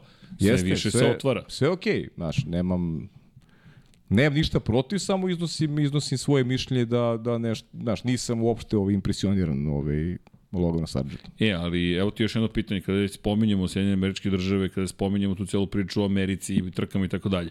David Coulthard, koga prilično cenimo, je rekao da je zapravo da lobira, da bi on voleo da vidi trku u Njujorku, zapravo u New Jerseyu, sa pogledom na Manhattan i rekao je da kad imao priliku da testira pre par godina u sklopu priprema za odlazak potencijalni u New York, jedan od dijelova staze da mu je o ruž bio kao mala kao mala maca u suštini, da je bilo da je bio potpuno oduševljen zapravo tim delom staze i da bi voleo zapravo da vidi New York. Dakle, rekao to deči, dečija krivina zapravo oruž u spa u odnosu na ono što je vozio. Pazi, ovaj, ako nekom treba verovati, onda je to sudu takvog vozača kao što je David Coulthard. I opet kad pričaš o mestima sada, ja isto bi pre volao da vidim New York nego Miami, recimo, naš u kalendaru. Recimo. Ali opet, to je sad neki samo lični ovaj pogled. Utisak, ne tako je. bazira se na kvalitetu krivine, pošto ne znam, ja to, znaš, nisam, os, nisam Niko video, ne zna nisam, kako bi izgledala ne znam kako bi to izgledalo, ali, ali ajde, ovaj, Eto, to je jedan od komentara, tako da će to zaista možda biti potencijalno četvrta trka u Sjedinjenim američkim državama.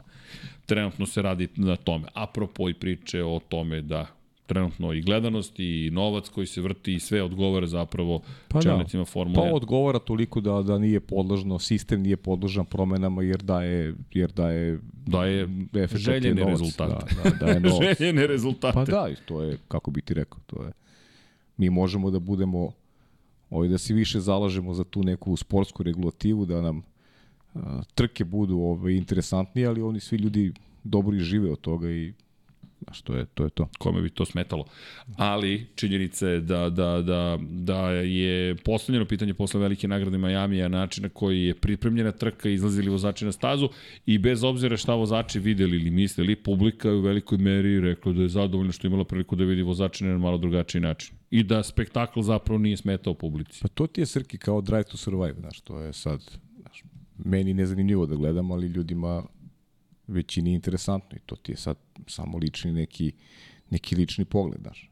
I šta je važno u cijeloj priči? Da, da, da ceo serijal daje rezultat a, apropo veće, veće gledanosti, da formula dobija više navijača i to je, to je poenta cele priče. Tako da, I super je što eto živimo u eri kada je Formula 1 ponovo na onako nekom levelu top popularnosti kada govorimo o, generalno o sportu. Sigurno je Formula 1 jedan, jedan od, od gledanijih takmičenja koji imamo u svetu sporta. Što je super za sve nas koji volimo Formulu 1. E, još kad bismo dobili ovaj, ovaj drugi segment, tebi i meni važniji, a i publici, bili bismo na konju svi zajedno. Da, inače, kada pričamo o šovu, spektaklu i ostalim stvarima, iako zvanično ne sarađujemo sa Red Bullom ove godine, dakle, i re, ponovit ću ono što smo rekli kada nas je Red Bull pozvao i pitao da li bismo bili ambasadori Red Bull show rana. Ljudi, mi ćemo to svakako da uradimo. Angažavali nas svi ili ne, to je naš posao. I čisto da znate, dakle, Red Bull možete da vidite prošlogodišnju maketu prošlogodišnjeg bolida, ukoliko odete u Tuzlu u ovom trenutku, ako sam ja dobro vidio Jeste, zapravo jeste, gde je. Tuzlu dakle, definitivno. dosta ljudi me pitalo da li će biti show run. Nažalost, neće biti, ali nemojte da brinete.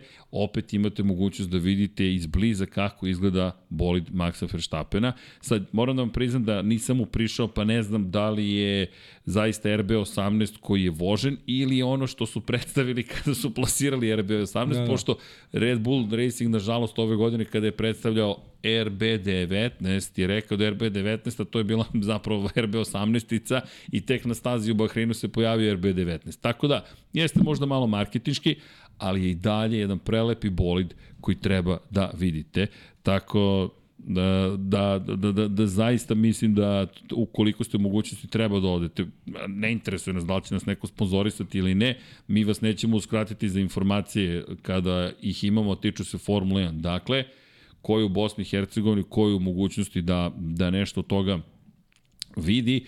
Ne znam zaista koja je putanja, dakle, da li će biti, evo zapravo ima, šampionski bolid će biti izložen u BCC u Tuzla od 16. do 24. maja, potom u BCC Sarajevo 25. maja do 3. juna, a nakon toga u trgovačkom centru Alta, takođe u Sarajevu od 4. do 14. juna. Super, Eto, koju mogućnosti imate dakle priliku da odete zapravo i da uh, učestvujete u takozvanim Red Bull tryouts. Šta vam donose Red Bull tryouts? Pa donosi vam mogućnost da zapravo odete na Red Bull ring u Austriju.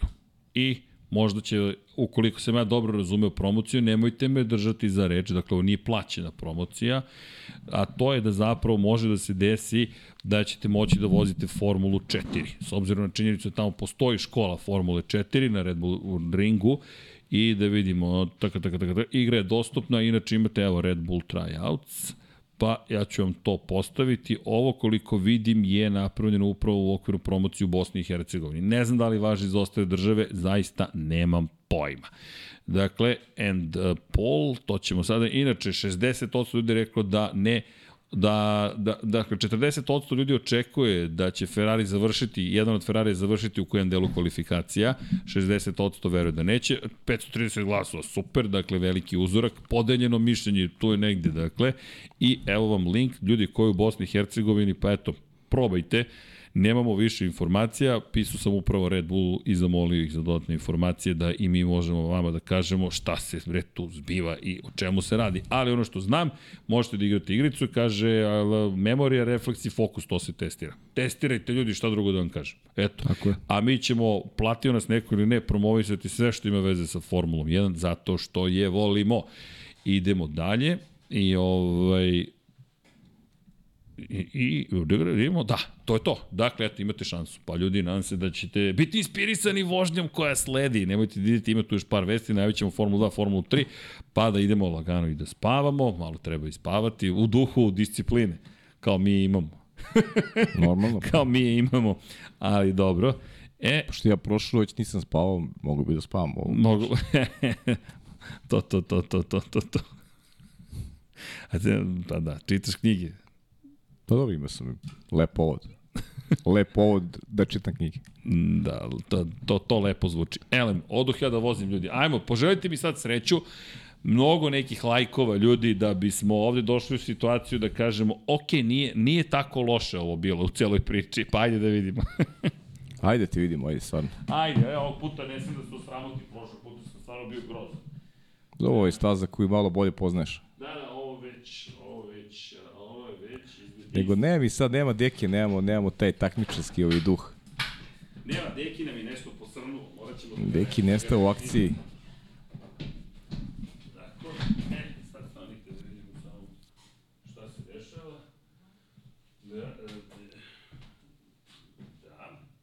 A, čekajte da vidimo, a, e, kamera 1 direkt, da vidimo da li je sve, aha, ne, nije u redu, čekajte, sad ćemo mi to da... Sad ćemo da rešimo, da. Naravno da ćemo da tako, tako je. Ovo ide ovde, ovo ide ovde i sada bi trebalo da imamo signal. Sad ćemo da vidimo da li je takva situacija ili nije. Pa evo, ti udi mi samo, samo sekund, imao bi još da se namesti nešto. Pa ja šta ja, mogu, malo, mogu malo da postim na NASCAR, ovaj, na ovaj Darlington. Izvini, ko je dobio prvu etapu? Da, ali ne vozi samo jedna etapa. Da, pobeda, inače, inače Vilijama Bajrona, prvi vozač koji godin ima tri triumfa, ali je bilo baš zanimljivo. U posljednjih 10 krugova imali smo imali smo dva košuna i to su imali kontakt vozači koji su se nalazili na vodećim pozicijama. A, a znaš kako završili? Pa znaš ti šta se dogodilo u stvari, srđane? Jedan košun.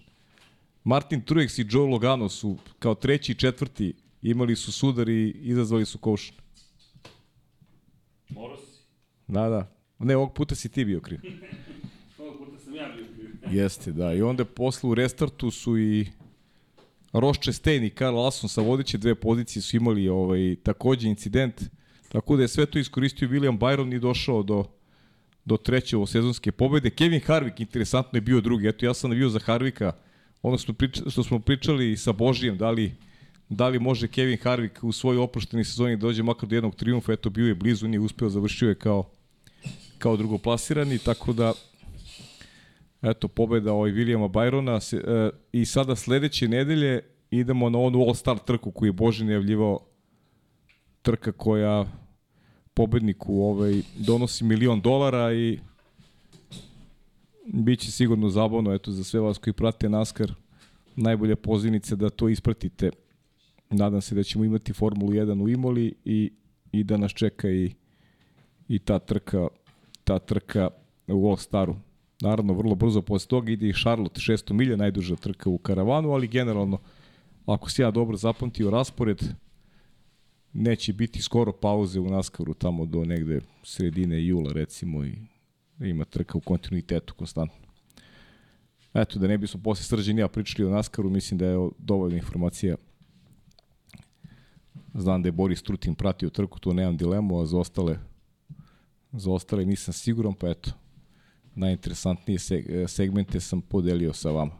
A šta rade ove, ove dvoje mojih kolega ovde, ja ne mogu da vam objasnim. Ovaj, možda Srki ipak neće voziti danas. Znaš šta je problem, Srđane? Da. Kiša. Misliš? Kiša, staza, staza nije funkcionalna, neće moći da voziš. Poplave su tamo i utiču to i na, i na igricu. Ajde, sedi ti na mesto i ovog puta... Mi još jednu šansu, pa evo. Ajde, dajem ti još jednu šansu, ajde. Sedimo mi to. Pa da vidimo.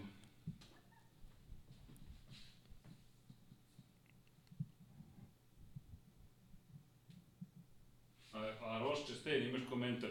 Što su rekli da, da rekli su, nije ni bitno za koga vozi, mi, kako sada stvari stoje, doći ćemo ponovo u situaciju da zapravo i oni koji su Chevrolet i vozači neće ga više štititi.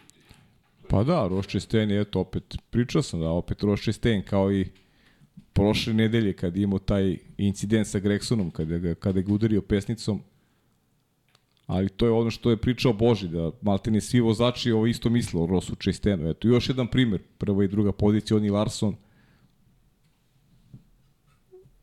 Ne bih sad da, da, da od Čestena pravim a, neko ko je, ko je dežurni krivac, ali ima vozača koji voze onako, ajde da kažem, najmanju ruku prljavo i tako su profilisali sebe kroz karijere, ali Roš Česteni definitivno momak koji je onako pod najvećim pritiskom i na udaru je apsolutno got, apsolutno svih vozača ovaj, u, u tom takmičenju i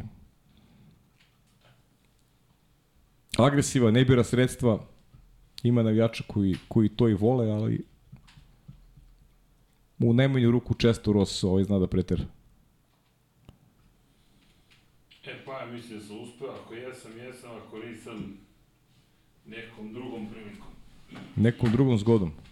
Da, nekom drugom zgodom ćemo morati da se igramo u cijelu priči.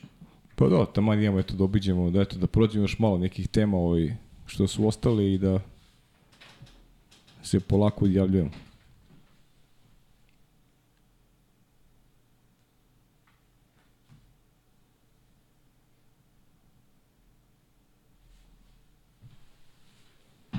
Neće, Bajo, pa neće. Neće, neće. Čim tu nema ovoga, nešto se desilo.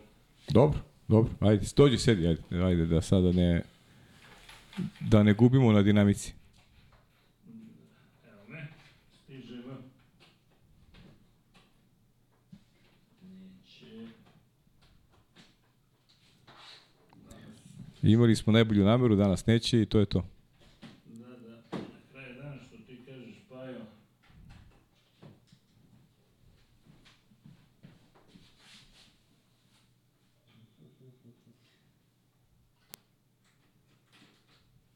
Ili se to ja možda namerno vadim kao neće. Znaš pa, A dobro, to nikad nećemo saznati. znaš. Nije mogla igrica da radi, nije do mene. Da. E, stvarno nije do mene. Nije stvarno igrica htela da radi. Ali dobro. To jest ne možemo iz Inače nekog bi, razloga inače da bi srđan, srđan bi pokidu inače. Da, da, da, je radilo. Si lud Imolu. Sledeći put vozim i Imolu, i vozim i Miami, još jedan popravni, i vozim Monako. E, Monako će da potraje. Znači, trajat ćemo 6 sati. Dobro. Vanredna emisija ako treba, ima da vozim sve.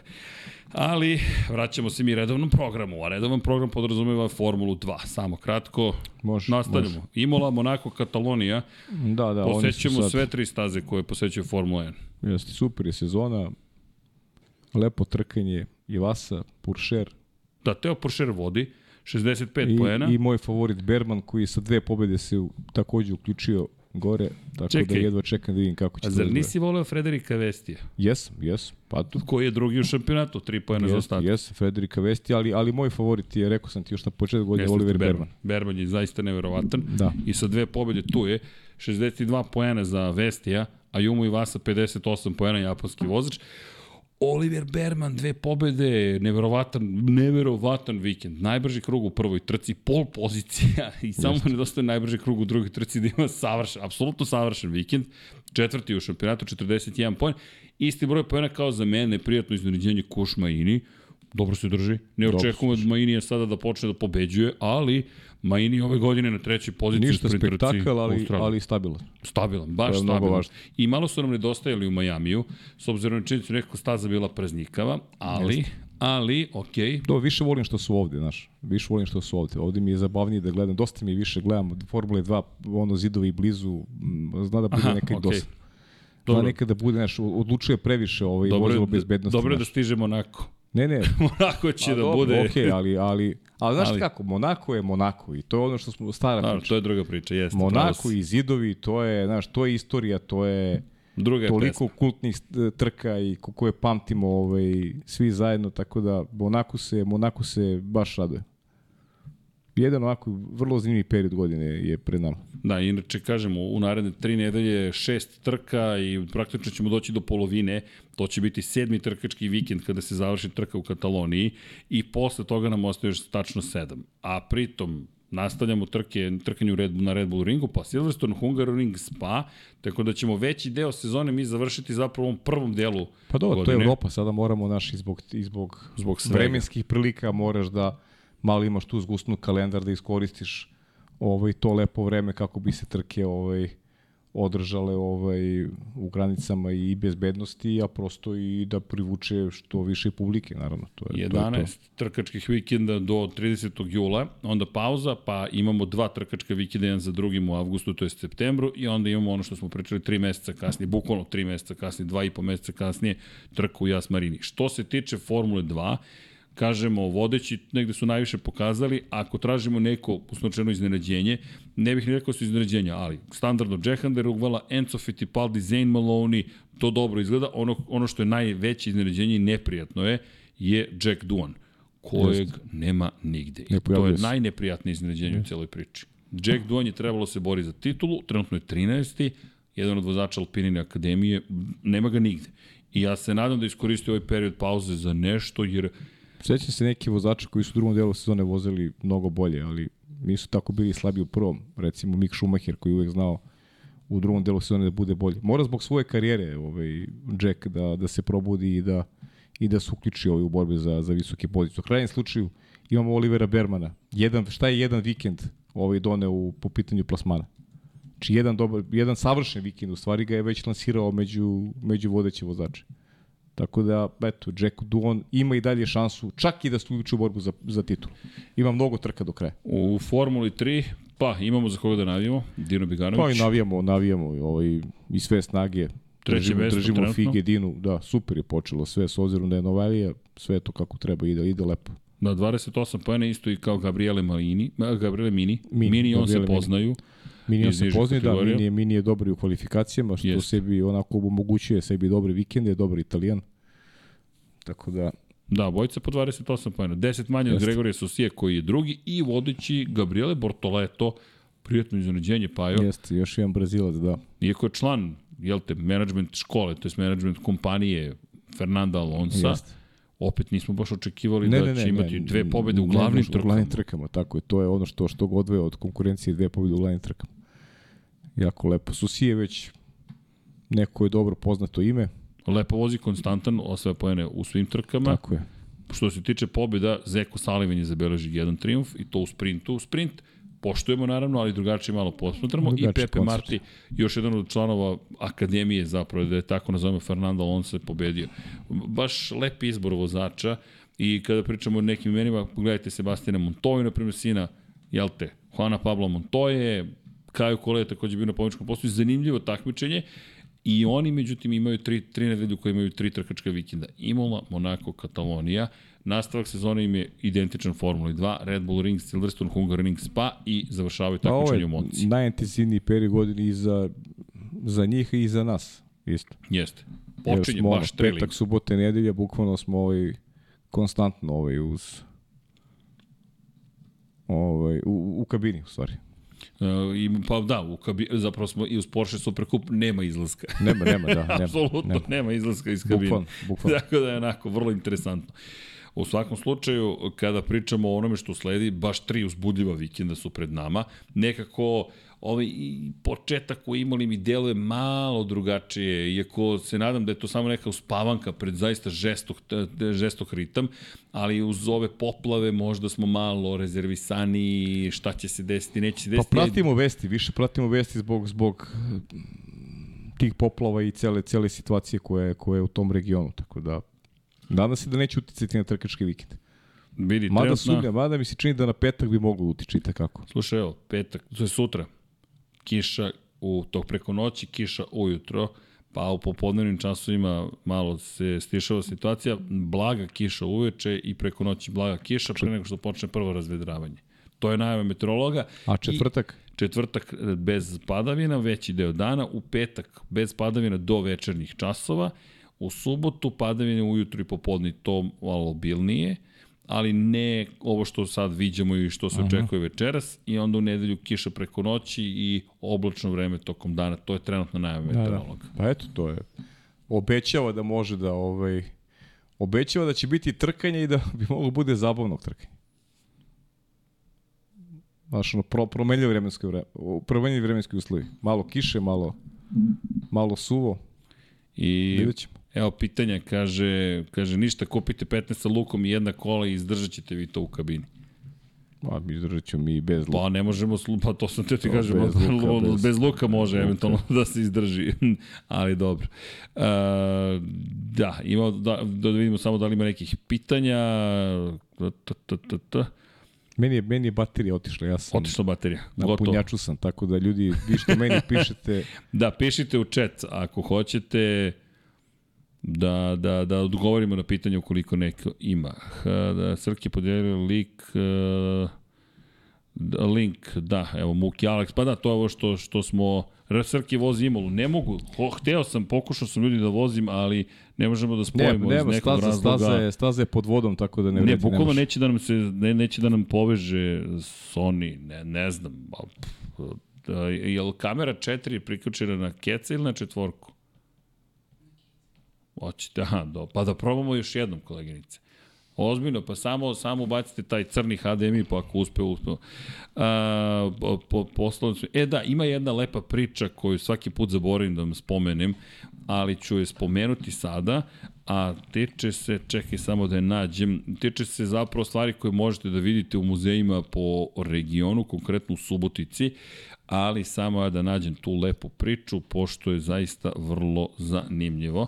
Evo, poslao nam je Andrej Isaković story, da, trenutno je baš teška situacija u Imoli, dakle, sa pogledom sve na stazu u Imoli, držimo palčeve, zaista, nadamo se da će se, da, da će da će nešto biti bolje stanje, ali trenutno zaista to ne izgleda dobro. Ali negdje dalje mislim da one najave koje govore u prilog tome da će biti zapravo održana trka da, ajde kažemo, neću kažem su preciznije, nego možda sam samo optimističan da će se nešto pozitivno tu desiti u celoj priči. Da vidimo uh, da li sam našao poruku. E, čekajte, mislim da sam je našao. Poslaću vam koleginice fotke samo da to spomenem. pošto je to zaista zanimljiva priča. E, ovako, stiže fotografija na Slack, pa vi ubacite da se to lepo vidi. A radi se o sledećem, Danilo Božović nam je poslao, inače i hvala mu na tome. Dakle, govori prosto o nečem što zaista nisam znao da postoji. Pa eto, nadam se da će nam svima pomoći kao što pričamo ovo o Red Bull Racingu i svemu ostalome. Dakle, da su prisutni u Tuzli, da imate igru, da možete da se zabavite. Nastavit ćemo to da pričamo, s obzirom na činjenicu kažem da mi to zaista volimo. Ali, slušajte, ovo, pozdrav Srđane Šaljan kao sliku porcelanski trofej sa kvalifikacija Hungaroringa. Trofej koji je podigao Ayrton Sena. Inače, manufaktura koja ih proizvodi i dan danas je Holohaza, u prevodu jedna vaza, jedna od najstarijih u Evropi. Inače, ovaj trofej se nalazi u muzeju porcelana u Subotici, vredi ga posetiti, a sa vama sam hteo da podelim ovo, uspeo sam da svojim svoju pasiju i, i pasiju svoje devojke, pozdrav Danilo Božović. Sreli smo se u sajmu na Novom Sadu. U Novom Sadu, izvinjam se. Bravo, Danilo, super. Danilo, hvala do Hvala neba. lepo. Vidjet ćete trofej i ovo možete da odete da vidite u muzeju porcelana. Na najčudnijim mestima uvete u Subotici trofej koji je zapravo pripadao Ayrtonu, to je pripao Ayrtonu Seni. Wow.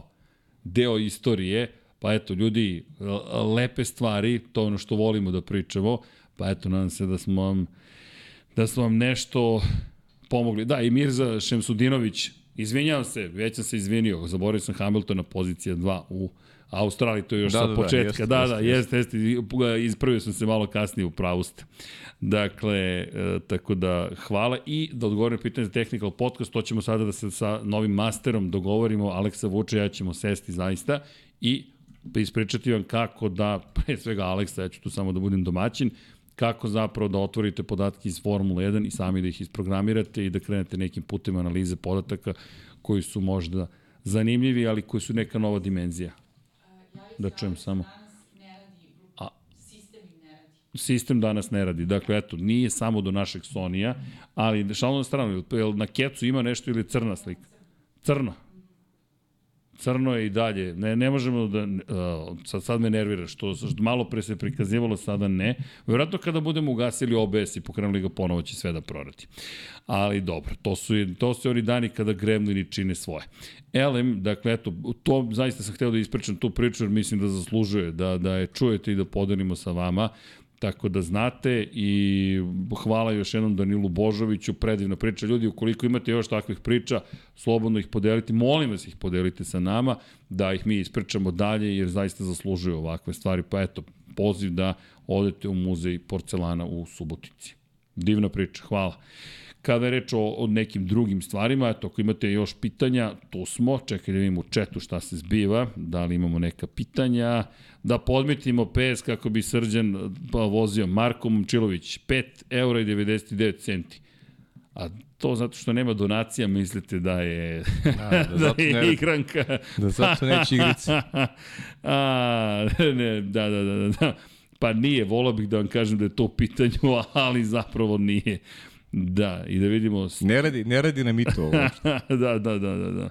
Nije. E, da, inače, NASCAR All-Star Open na North Wilkesboro r- Jeste, ove jeste, nedelje. da, da. Pričali smo o tome prošlog vikenda i ja vas pozivam da ovu trku zaista pogledate Ne, ne, s pažnjom. obavezno, pa obavezno. Pa i Posebno je. vredi ovo stari i, i, i malo, malo manje vode računa ovi momci, tako da će biti tu te haos. Da, to će da bude, ne, ljudi, to će da bude spektakl. Asfalt namerno nije promenjen, Jeste. a, delo je zastarelo, neki od vozača odlaze ne sa prikolicama, nego su, ne sa kada kažem prikolic, kamionima prikolicama, već sa klasičnim prikolicama podigli su automobile kao nekada davno na prikolicu, onu najklasičniju i put North Wilkesbora, tako da će to biti fenomenalno.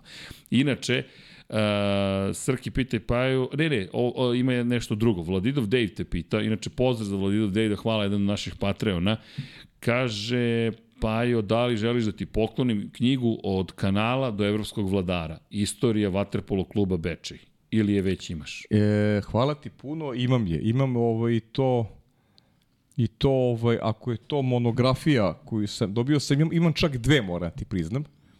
Ovaj, dobio sam jednu od, od Gorana Krstonošića, a drugu, sad više ne mogu setim od koga sam dobio drugu. Ako je to to, ali moram to da proverim. Ajde da Ovaj, proverimo, Evo, pa tu, evo tu je Srki negde, ove plave knjige, ovaj, možda nađeš. Tu je jedna od te dve. Evo je.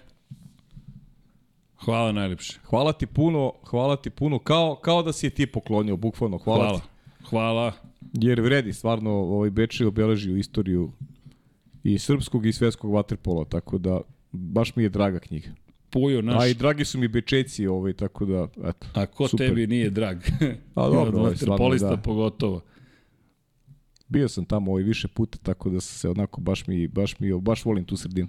Lepo. Inače, da pozdravim Puja, čovjek koji je član ekipe, član zapravo Infinity Lighthouse na YouTube-u, kaže da li odgovorio Aleks Ninović, nije još imao na šta da odgovori, ne zamerite, ali taj put za Le Mans, pošto sam u sredu, četvrtak, petak, subotu, nedelju bio na stazi, bukvalno u Le Mansu, i to ko nije sa nama bio zapravo ne zna ko, da, da mi smo tamo zbog posla. I bukvalno od momenta kada se probudimo do momenta kada zaspimo mi radimo. Da, da, meni je to i kada se završi aktivnost na stazi prilika da pričam sa vozačima, inženjerima, šefovima timova, pored toga sa gledalcima koji su pokraj staze, pričat ćemo o tome više sutra, posebno pozdrav za ekipu koja se zove La Familia, koja je uzela hektar, pa 100 puta 100 su odvojili ove godine, pre jedno 6-7 godina su počeli da odlaze na Le Mans, ekipa koja je zapravo iz Srbije, živi u Francuskoj, pa počela da se okuplja u Le Mansu, pa imate jednu visoku zastavu srpsku koja stoji na sred kampa i poziv je svima, bez obzira dakle dolazite, iz Hrvatske, Bosne i Hercegovine, Makedonije, Crne Gore, nevažno je koje ste države, nevažna je nacionalnost, kada vidite tu zastavu, inače su veliki navijači Valentina Rosija, Dakle, tu ćete više ući u svađu oko Markeza i Rosija nego oko bilo čega Klasika. drugog, kako i treba da bude sportski su momenti u pitanju. Dakle, i bila je velika grupa ljudi, zapravo dosta Francuza takođe dolazi i moram priznati ove godine sam ih upoznao, otišao na njihov poziv da vidim šta je. Šta je zanimljivo, bila priča, jedan momak iz Hrvatske je došao i video je zastavu, pa je došao tu, parkirao, jer kada ste u kampu nekako, kada ste sa nekom svojom ekipom, mnogo je bezbednije, mnogo je lepše. Nije da je bilo nešto pretrano opasno, ali u nekom trenutku je tako dosta glasno, ako ništa drugo. Pa onda druga ekipa koja živi u Francuskoj, srpskog porekla, došla, videla zastavu, postala tu, čak ni ne znaju ko su ljudi koji čije je zastava, ali su tu stali, a Francuzi koji su tu već godinama su ove godine e, kao svoju ulaznicu doneli prase od 46 kg. Ja se izvinjam svim vegetarijancima, ali samo pričam šta se tamo dešavalo i prase je konzumirano. Tako da, to- to vam je, ljudi, bio eto, taj skup. Inače, kogod želi može da donese šta god želi, da li povrće, da li neko drugo meso, šta god, ekipa se skupila i to vam je isto posao. Meni je to zanimljivo da upoznate, Ko da, hoće, da vidim. može i brokoli da donese. Ne, bu, Svako vidi, ima- svi su doneli a svako svega. nađe za sebe I nešto. bilo je jagnjetine, bilo je, ne znam, kobasica, svega je bilo. Tako da, ko voli, čak sam i jedan krompir ugledao, tako da je bilo... Čak. Čak i krompir, Da, ali... Da, ne, za, gurmani su pre svega, ali pre svega je pojenta u druženju, slušanju muzike i tako dalje. Inače, tamo ne možete da spavate. Ko planira da spava u kampovima na automoto skupovima ili, ili pokraj staze u tom periodu, nemojte ni da pokušavate, to je, to je, tamo idete da ne spavate četiri dana, zato mi nismo u kampovima jer moramo malo i da spavamo. I e, nisam kontaktirao još čoveka, eto, tako da znate, Aleks Ninović, pišemo mu, E, tako da znate, da, inače, ali ti težak posao, nije mi težak posao, naprotiv, posao je predivan, nego, ne, nego Nego on samo, on samo deli tu lepotu posla. A, ali bukvalno, ali bukvalno, jer na, na kraju, pošto je tako obeležena staza, e, posle 3 km šetanja, traženja parkinga su došli po mene, pošto te staza samo šalje za automobiliste. da, 300 metara iza mene je bio njihov kamp. Pa posle 3 km pešačenja, jer ti svi znakovi pokazuju pa, pa, plavi ti parking, hoćeš da nam desno, kažeš desno, kako si desno. mnogo šetao, Namučio dobro. sam se, da, Pa, da. dobro, dobro. Dobro, ali ima pitanje za tebe, ako pratiš Moto Grand Prix, nije da ga pratiš, mada si počeo malo da ga pratiš. Pa nije da sam počeo, ja, ti znaš da sam ja Rosijevac, ali mislim, znaš, ova godina mi je interesantna, pa malo gledam više ovaj. I šta, šta je pitanje? Pitanje je kakav tvoj komentar, izvini. Su, mislim, mnogo zanimljivo. I svi, sviđa mi se taj sistem ovaj, sa, sa sprint trkama. Interesantno je za gledanje. Ma, mislim, to je ljudi, to je čet- 45 minuta čistog adrenalina, tu, tu nema ništa sporno. Uvijek je tako i bilo kad je MotoGP u pitanju, samo što ja mnogo više volim ovo, mi je kompleksnije mi je neko, ne znam, meni, meni je bliže i prosto odrastao sam na, odrastao sam na Formuli 1, ovo mi je bilo usput, usputno do, eto, do pojave Rosija. Rosije, dok je vozio Rosije, volao sam to da gledam češće, ali, ali stvarno, stvarno su super trke, tu, tu nema još ovaj, kad ih kad ih Srki dočara, ovaj, to dobija još onako dodatnu dimenziju. Hvala. Na, nadam se da je bilo zabavno. Mi smo Jeste, jeste. baš... Gle, ja sam bio, ja sam bio u redakciji, gledao sam u redakciji trku, tako bio sam na sport klubu baš u to vreme. Čekao sam ovaj, čekao sam drugu trku u Brands Hatchu. Stvarno sam uživao, malo sam bio, do, do, dobre su trke bile, baš sam uživao u tom trkanju Brands Hatchu, a, a e, u pauzi sam ogledao, ogledao sam, ovaj, baš je bila dobra trka. Ja sam nekako morate predstaviti ovoga puta bio u, u, u posebnom, posebnom nekom stanju s obzirom na činjenicu da se zaista osjeća istorija u Lemanu. Bez obzira što je to istorija koju je stvorio pre svega automobilski, automobilska disciplina, 23 trka, 24 časa Lemana, toliko su grandiozne tribini, toliko je sve nekako veliko i veličanstveno, da je nemoguće da, da ostaneš ravnodušan e, dole, to je Deki spominjao, on je bio u Lemanu, on bi baš da ispričao par stvari, voziš se mulzan pravcem. I to je saobraćajni put zapravo za ljudi koji tu žive, stanuju, rade, ali ti ideš tim pravcem i da nalaziš na šikanu i kao čekaj, ovo znam, znam iz igrica, znam iz prenosa, da, da. znam ovo. I to kad sam šetao to veče u potrazi za kampom, nije mi smetalo, pošto kažeš ti, otišao opet na pravac. I mnogo lep taj osjećaj. I vidiš kako je uz asfalt utrljena guma. I snimio sam story koji nikad nisam stigao da objavim, pošto stvarno sam bio preumoran, ali spomenuo sam tebe i Deki, ja pustit ću ga ovih dana i vidiš kako su tu neki trkači prošli, ko zna koliko puta, tu ta guma je u asfaltu, ona živi u asfaltu, kiša joj ne može ništa, zašto je utrljeno do kraja. se tu, da. Bukvalno. I onda gledaš i razmišljaš, čovječe, ovde se ljudi stvarno trkaju i to ozbiljno. Odbojna ograna, takozvani catch fence, dakle, ograda koja štiti da ne odlete delovi ka kućama. Tu ljudi stanuju, što kaže Hasan Bratić, kaže, čovječe, tu ljudi žive, tu pored, dakle, žive pored odbojne ograde da se ovi trkaju.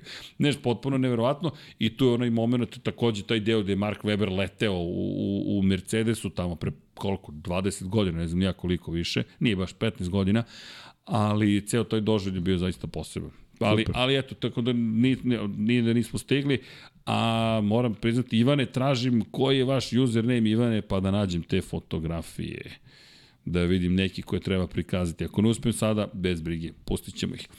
Uh, Srki, kakav si s Darinom i njegovim kolegom Bešom, hoće li ikad dolaziti u podcast? Pa mi smo dobri, ali nemamo neko, nešto mnogo kontakta, pošto mi u isto vreme praktično radimo. To su momci iz Zagreba Aha. koji prenose Moto Grand Prix. Uh mhm. -huh. I suštinski se nikad i ne sretnemo, ali ima tu par ljudi koje, koje treba, treba... Pa da, treba i se namestiti malo, da, treba i se namestiti situacija. I za, I za NFL, ali pre svega kada je reči o Formuli 1 i o Moto Grand Prix, to neko stoji na spisku stvari da, da, da, da uradimo. Inače, kaže to je Vladidov Dave, to je ta knjiga Pozdrav iz Beča. Slušaj ovo provokativno pitanje, Disconnected Plus. Imali nas koji smo gledali cross country, dakle skijaško trčanje, dok je Srki bio komentator? Opa. E, Disconnected Plus jeste... Opa, što oni pamte, a? Aha. to. Znači, ko, cross country si radio? Da, radio sam cross country. Ne znam da li znaš tu priču, pošto tad kad sam počeo da radim na Eurosportu... Meni je biatlon zanimljivije. Ovaj.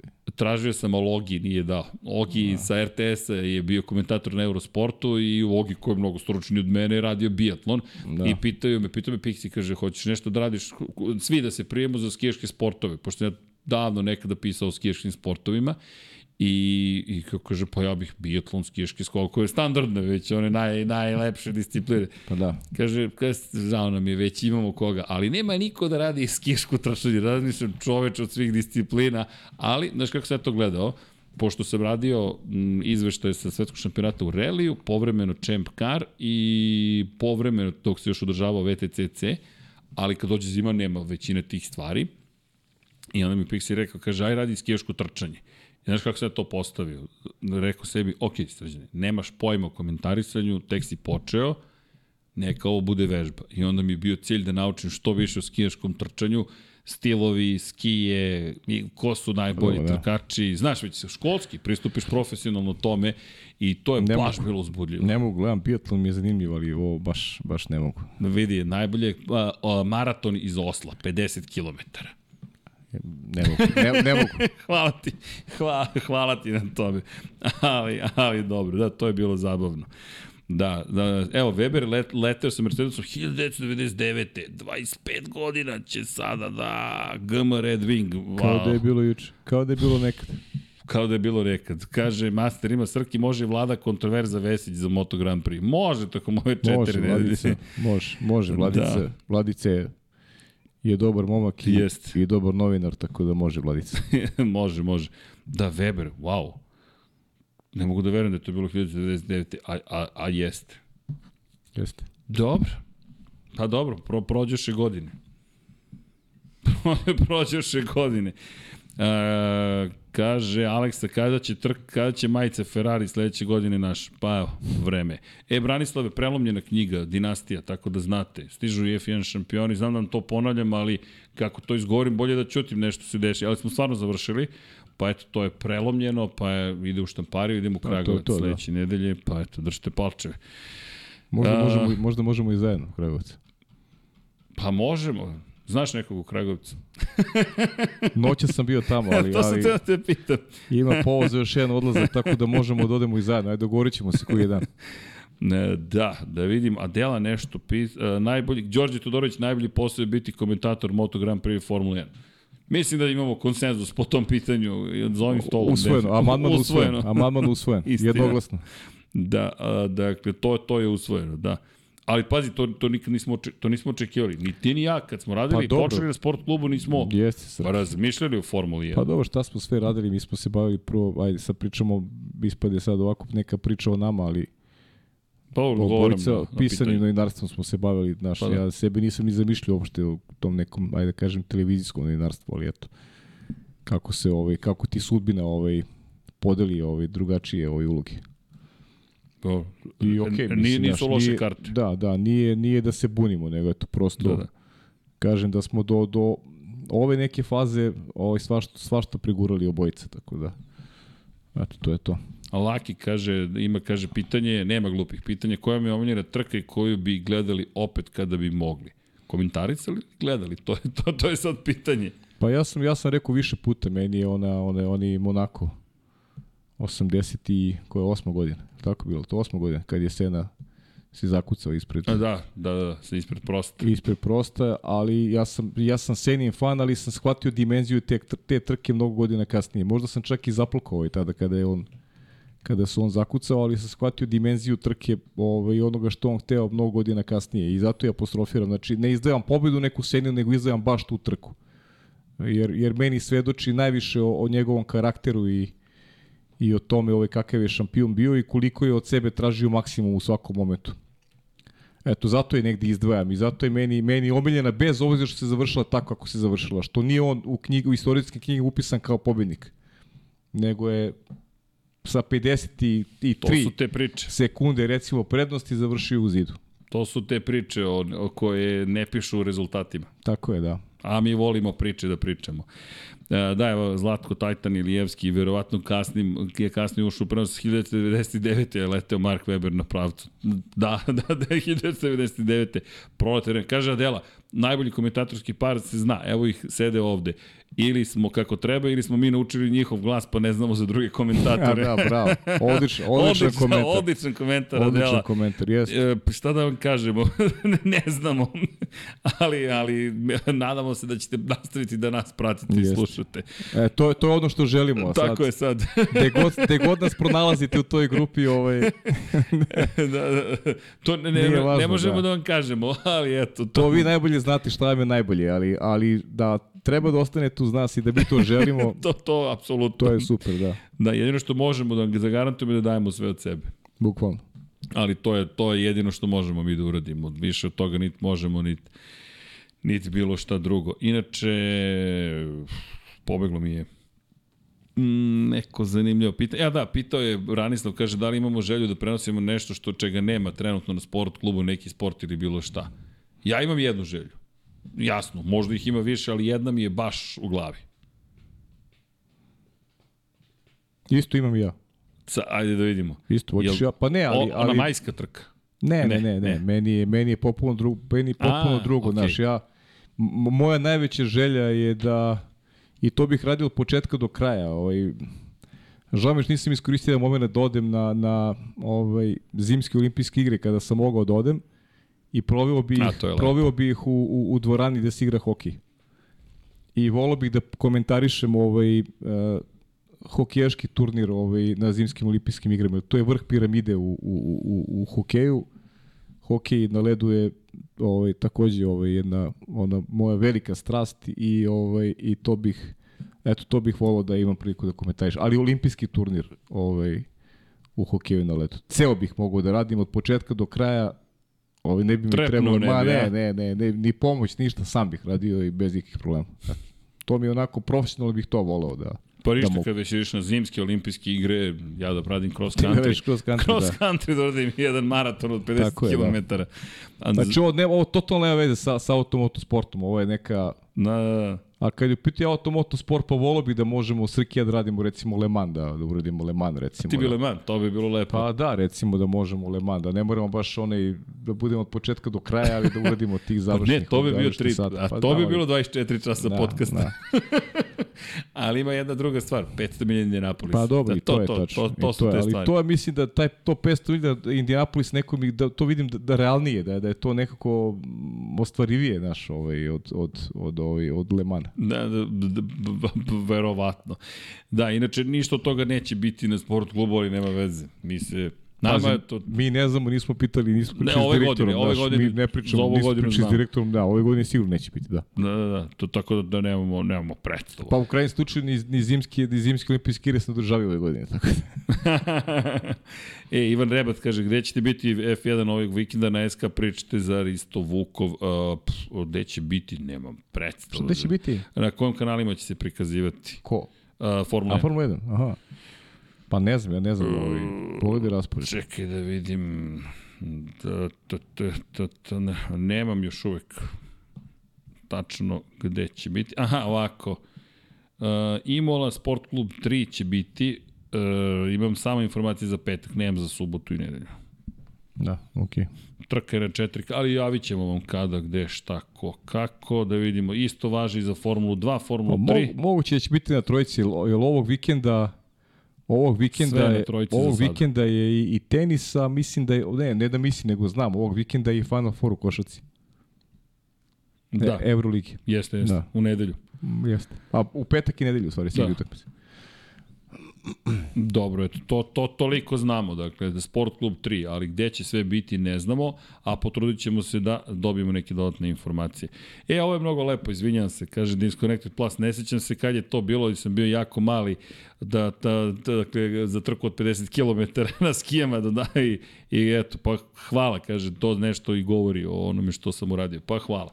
A, a šta mislimo o karijeri Adama Mališa? Puf, jedna ozbiljna karijera. Jeste, jeste. Ozbiljna karijera, Adam Mališ je bio baš ozbiljan Jeste, skakač. ozbiljno, mada sam ja uvek ovaj navio za Slovenci, tako da u skokovima, da. E, čekaj, ko beše Primoš Pa, Peterka? Primoš Peterka, pre toga Primoš Žulaga, Zašto sam. Peterku upoznao kako sa tamo negde 99.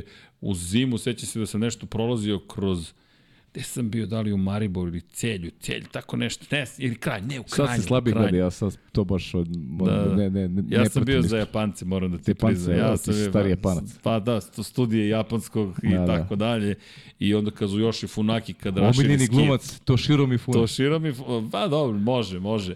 Ali vidi, ne, Akira Kurosawa, u to se seća, nešto sam svratio do Dobro, Ljubljane. Pa ne, ali ja se mislim, ne šli Toshiro Mifune, ozbiljan glumac. Ozbiljan glumac, pa, pa Glumčina. i Akira Kurosawa, čovek koji je, koji je definisao Hollywood, praktično dao Stevenu Spielbergu i Georgeu Lucasu osnove za, za, za većinu njihovih filmova, ali što ne znači da su to loši filmovi, nego samo da je čovjek bio Tako inspiracija.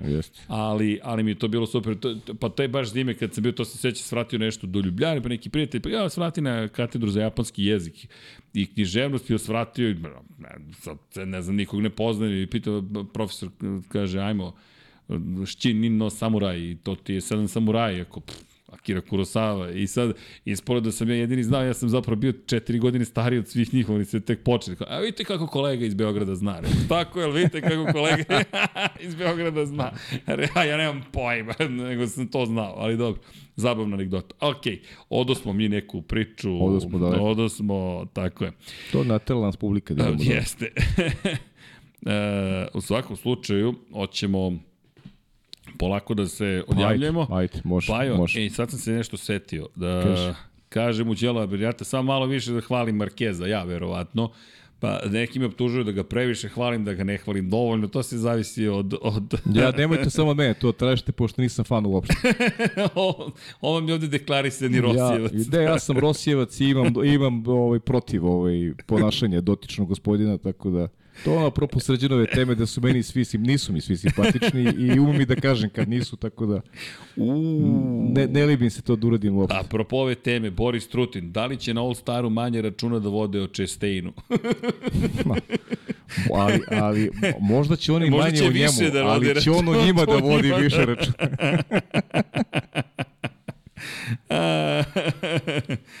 Da, jako, ali dobro. E, imaš ovde obožavaoce nove za ovaj komentar apropo Rosije. Aha, pa dobro, mislim, i da, da. Znam, sećam se, ja sam jednom imao i taj ovaj... Sećaš se koje trke one? Sećam se kako. Tad sam, tad sam ga ja, ovo, izbrisao sam ga iz ovaj... da, da, da, da. Da, u svakom slučaju, evo imaš poziv da dođeš u posetu Moto Grand Prix podcast. da. A Masahiko Harada najjači, opa Muki Alex, ovde Idemo, ozbiljne se idemo, izlače imena i prezimena, idemo to, to, to, to, to, to, to. Morat ćemo jedan izvan, izvan sportski Izvan podcast da, sportski- da napravimo, ne, da. Ne, ne, pa ne, možemo da napravimo da, sve sportski podcast. o svim sportovima da pričamo. Da, ne znam, meni je Funaki bio najbo, najsimpatičniji baš zato. Mada je Harada dugo trajao, to su nevjerojatni ljudi, ali dobro. Kaže, isecite ovo za shorts, pa naš shorts je longi, dakle, ne mora da izmisli novu formu, kod nas nema shorts, ima samo long. Mi shorts kad nosimo, to su farmirke, šta vam je? Ali evo, Norijaki Kasai još uvek skače, ima 50 godina. Ne mogu da verujem, Norijaki Kasai je skakao tamo 90-ih u Naganu na olimpijskim igrama. Evo za vas, iz ko je Herminator? Ne Martinator, da li se sećate Herminatora? Ajde. Evo, Red Helmets, pričali smo malo pre, prelomljena dinastija, završava prelom F1 šampiona, dakle sve, i to, i to smo završili sledeće nedelje smo u Kragujevcu, tako da znate. Kaže, pardon, Mališ i Dakar Rally. Japanci sporo stare. Herman Mayer, naravno, Ma, Martin i Kenen neki kažu. Herman Mayer. Herman Mayer, jeste. Herman Mayer, čovjek koji je imao, koji je leteo točak tamo u Naganu 1998. Leteo ne znam koliko, 89 metara u, u spustu. I tako. E, ja mislim da je vreme da se polako Mislim da smo ljudi, Pokrili smo pa i ne više nego što smo očekivali, ali dobro. I pokrili smo i sportski, i socijalno-društvene, i kako god hoćete. Bukvalno. A, e, čekajte samo da vidim još jednu stvar. Ne, mislim da je vreme da se polako ipak odjavljamo. Jer ako ovako nastavimo, nećemo nikada završiti zapravo. Ajde, čitaj ovaj Patreon i... Patreon, vreme je da se pozdravimo sa svima. Ljudi, koje o, još jednom, evo za ovo ću se izvinjavati, za, za kašnjenje svako ja prouzrokujem obično ja, ali ne, ja to preuzmem na sebi. Ljudi, mi smo tim. I mi koji sedimo za stolom, mi moramo da budemo lice svega što se radi, ali verujte, baš se ekipa trudi da sve završi kako treba i ponekad imamo neke situacije koje ne znamo još uvek, novi smo ovome, nije to neko opravdanje, ali Pa ne, naj, najveće situacije su u stvari da, da toliko toga se snima ovde da, da se nekada ove stvari poklapaju malo, tako da... Da, i, i toga. stvari koje radimo i sa druge strane koje pokušavamo da izvedemo, ponekad nam nešto isklizne, ali nemojte zameriti. Sve to je i dalje u želji da samo uradimo najbolju moguću stvar, da ispoštujemo jel te, sve što, ne samo da ispoštujemo, moramo da ispoštujemo svaki ugovor koji smo potpisali, pa neki put neki stvari naučimo na teži način, ali učimo i ubrzavamo se polako, ali sigurno.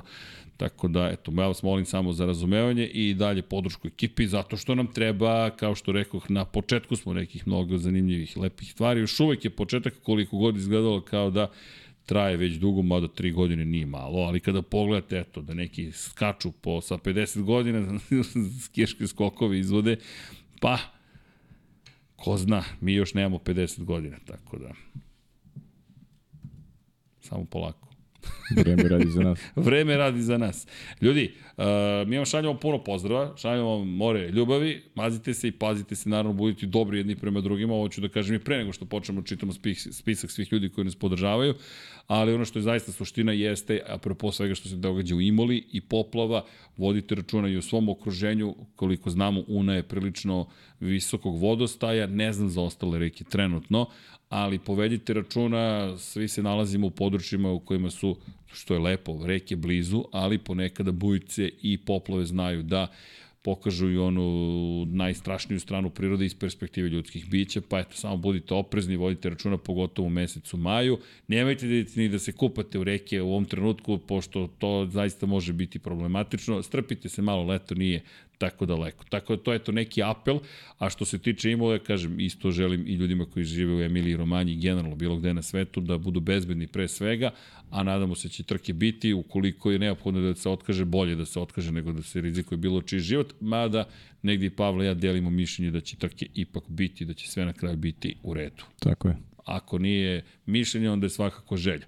A sada ćemo da pozdravimo sve naše patrone članove, pa polako da se pozdravimo. I pozdrav svima koji slušaju na audio platformama, udrite like, subscribe, share, ukoliko se dopada, ukoliko ne, pa može i taj dislike, šta da mu radimo, ali to je mišljenje, a mi cenimo vaše mišljenje.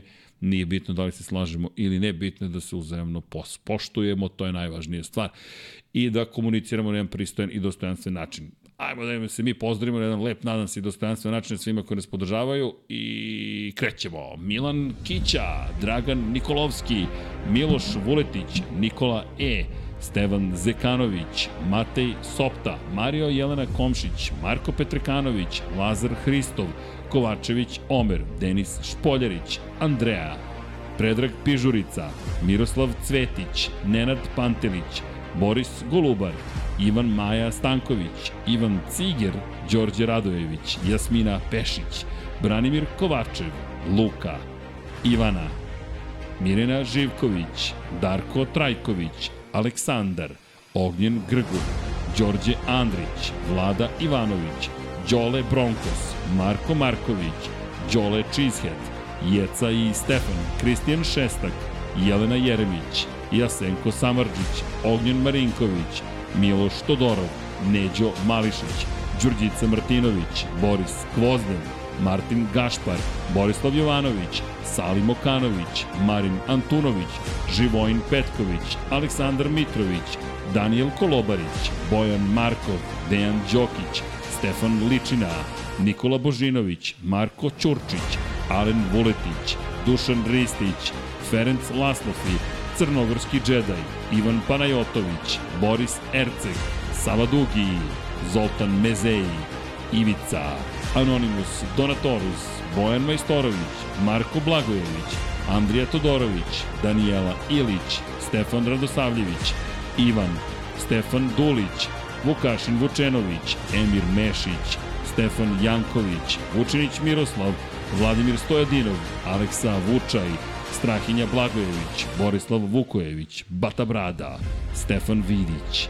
Laslo Boroš, Anonimus Donatorus, Milan Paunović, Bahter Abdurmanov, Aleksandar Milosavljević, Aleksa Valter, Saša Ranisavljević, Matija Binotto, Dejan Vojović, Vladan Miladinović, Miloš Rašić, Marko Bogavac, Inzulin 13, Milan, Aleksa Lilić, Matija Rajić, Safet Isljami, Toni Ruščić, Srđan Sivić, Vladimir Jovanović, Novak Tomić, Branislav Kovačević, Zoran Šalamon, Andreja Branković, Stefan Prijović, Petar Relić, Vladimir Filipović, Bojan Mijatović, Aleksandar Bobić, Dragan Matić, Branimir Rijavec, Vladimir Mutić, Dimitrije Mišić, Branislav Milošević, Miloš Banduka, Armin, Vamblisapa, Katarina, Dušan Delić, Nemanja Jeremić, Marko Hork, Vanja Radulović, Marko Mostarac,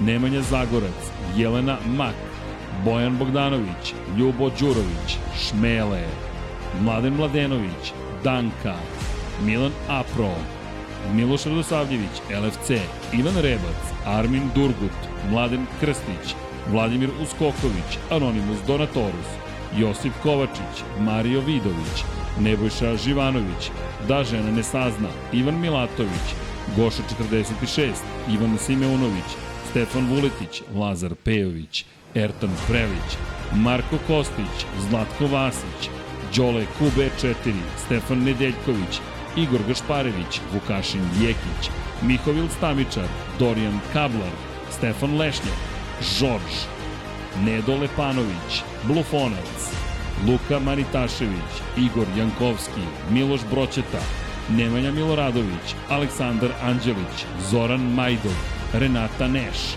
Aleksa Jelić, Aleksandar Banovac, Boris Kujundžić, Sean Hing, Sean Hing, izvinjam se, Igor Vučković, Marko Kozić, Klara Gašpar, Đerman, Lj. Đurović, Marko Radanović, Pavle Nj, Marina Mihajlović, Vladidov Dave, Branko Bisački, hvala Dave, Optimistic Josh Allen Fan, Gloria Edson, Nikola Marinković, Luka Martinović, Predrag Simić za knjigu Dave, Milan Nešković, Tijana Vidanović, Mirjana Kovačević, Kimi Rajkonen, klub štovatelja Ramona Mireza, Vuk Korać, Ivan Toškov, Stefan Milošević, Dejan Avić, Petar Nujić, Filip, Ante Primorac, Grgo Živaljić, Nedim Drljević, Branislav Marković, Jugoslav Krasnić, Branislav Dević, Monika Erceg, Aleksandar Jurić, Džigi Pau, Nikola Stojanović, Nenad Đorđević, Nemanja Labović, Žarko Milić,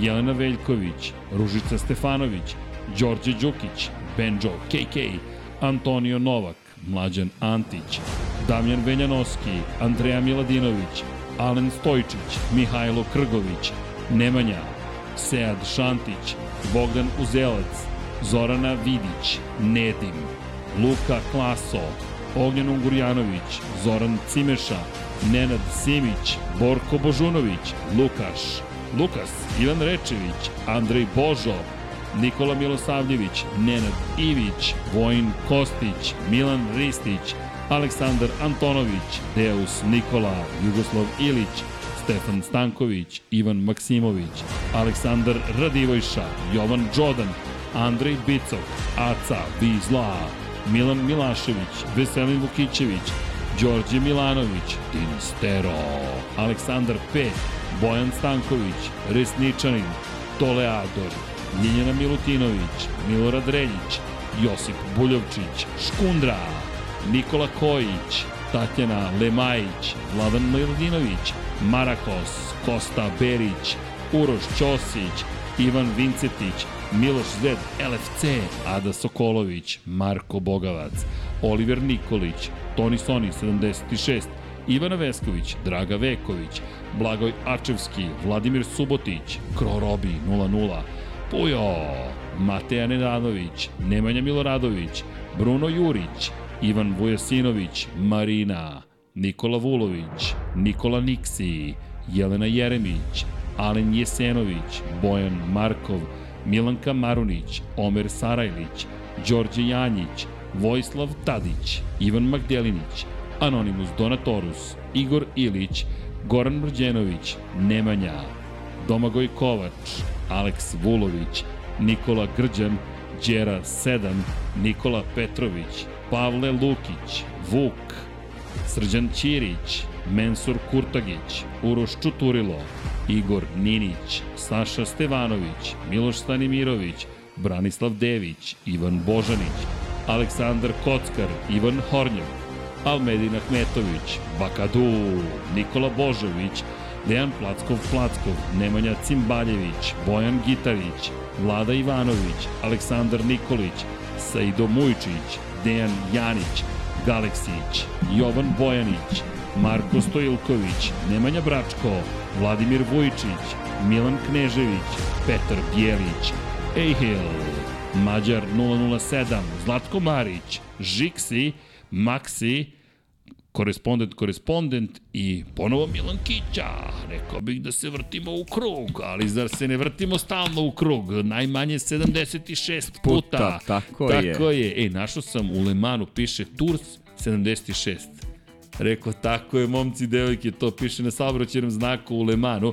Inače, ukoliko ste zadovoljni onim što činimo, pa patreon.com kroz Infinity Lighthouse, shop.infinitylighthouse.com, like, share, subscribe i sve ostalo i šlanu stranu dovoljno je to što ste tu sa nama, da, značajna svaka vrsta podrške i pomoći, no bez obzira na to, mi se lepo zabavljamo i to ono što je negde najvažnije. Ja se nadam, a pozdrav svima koji vole, prate automoto sport, čak i ako ne volite, pa eto, potrudite se, nemojte da se ni trudite, ispratite nas, možda se zaljubite u ono što mi vidimo našim očima kada vidite, verujte, ako ništa drugo, romantično je a s druge strane, nadamo se informativno. U svakom slučaju, ovo su bili gospodin Pavle Živković i moja malenkost. Tako je, i mi vam želimo laku noć i naravno, čao svima! Svima, čao ljudi, lepo spavite.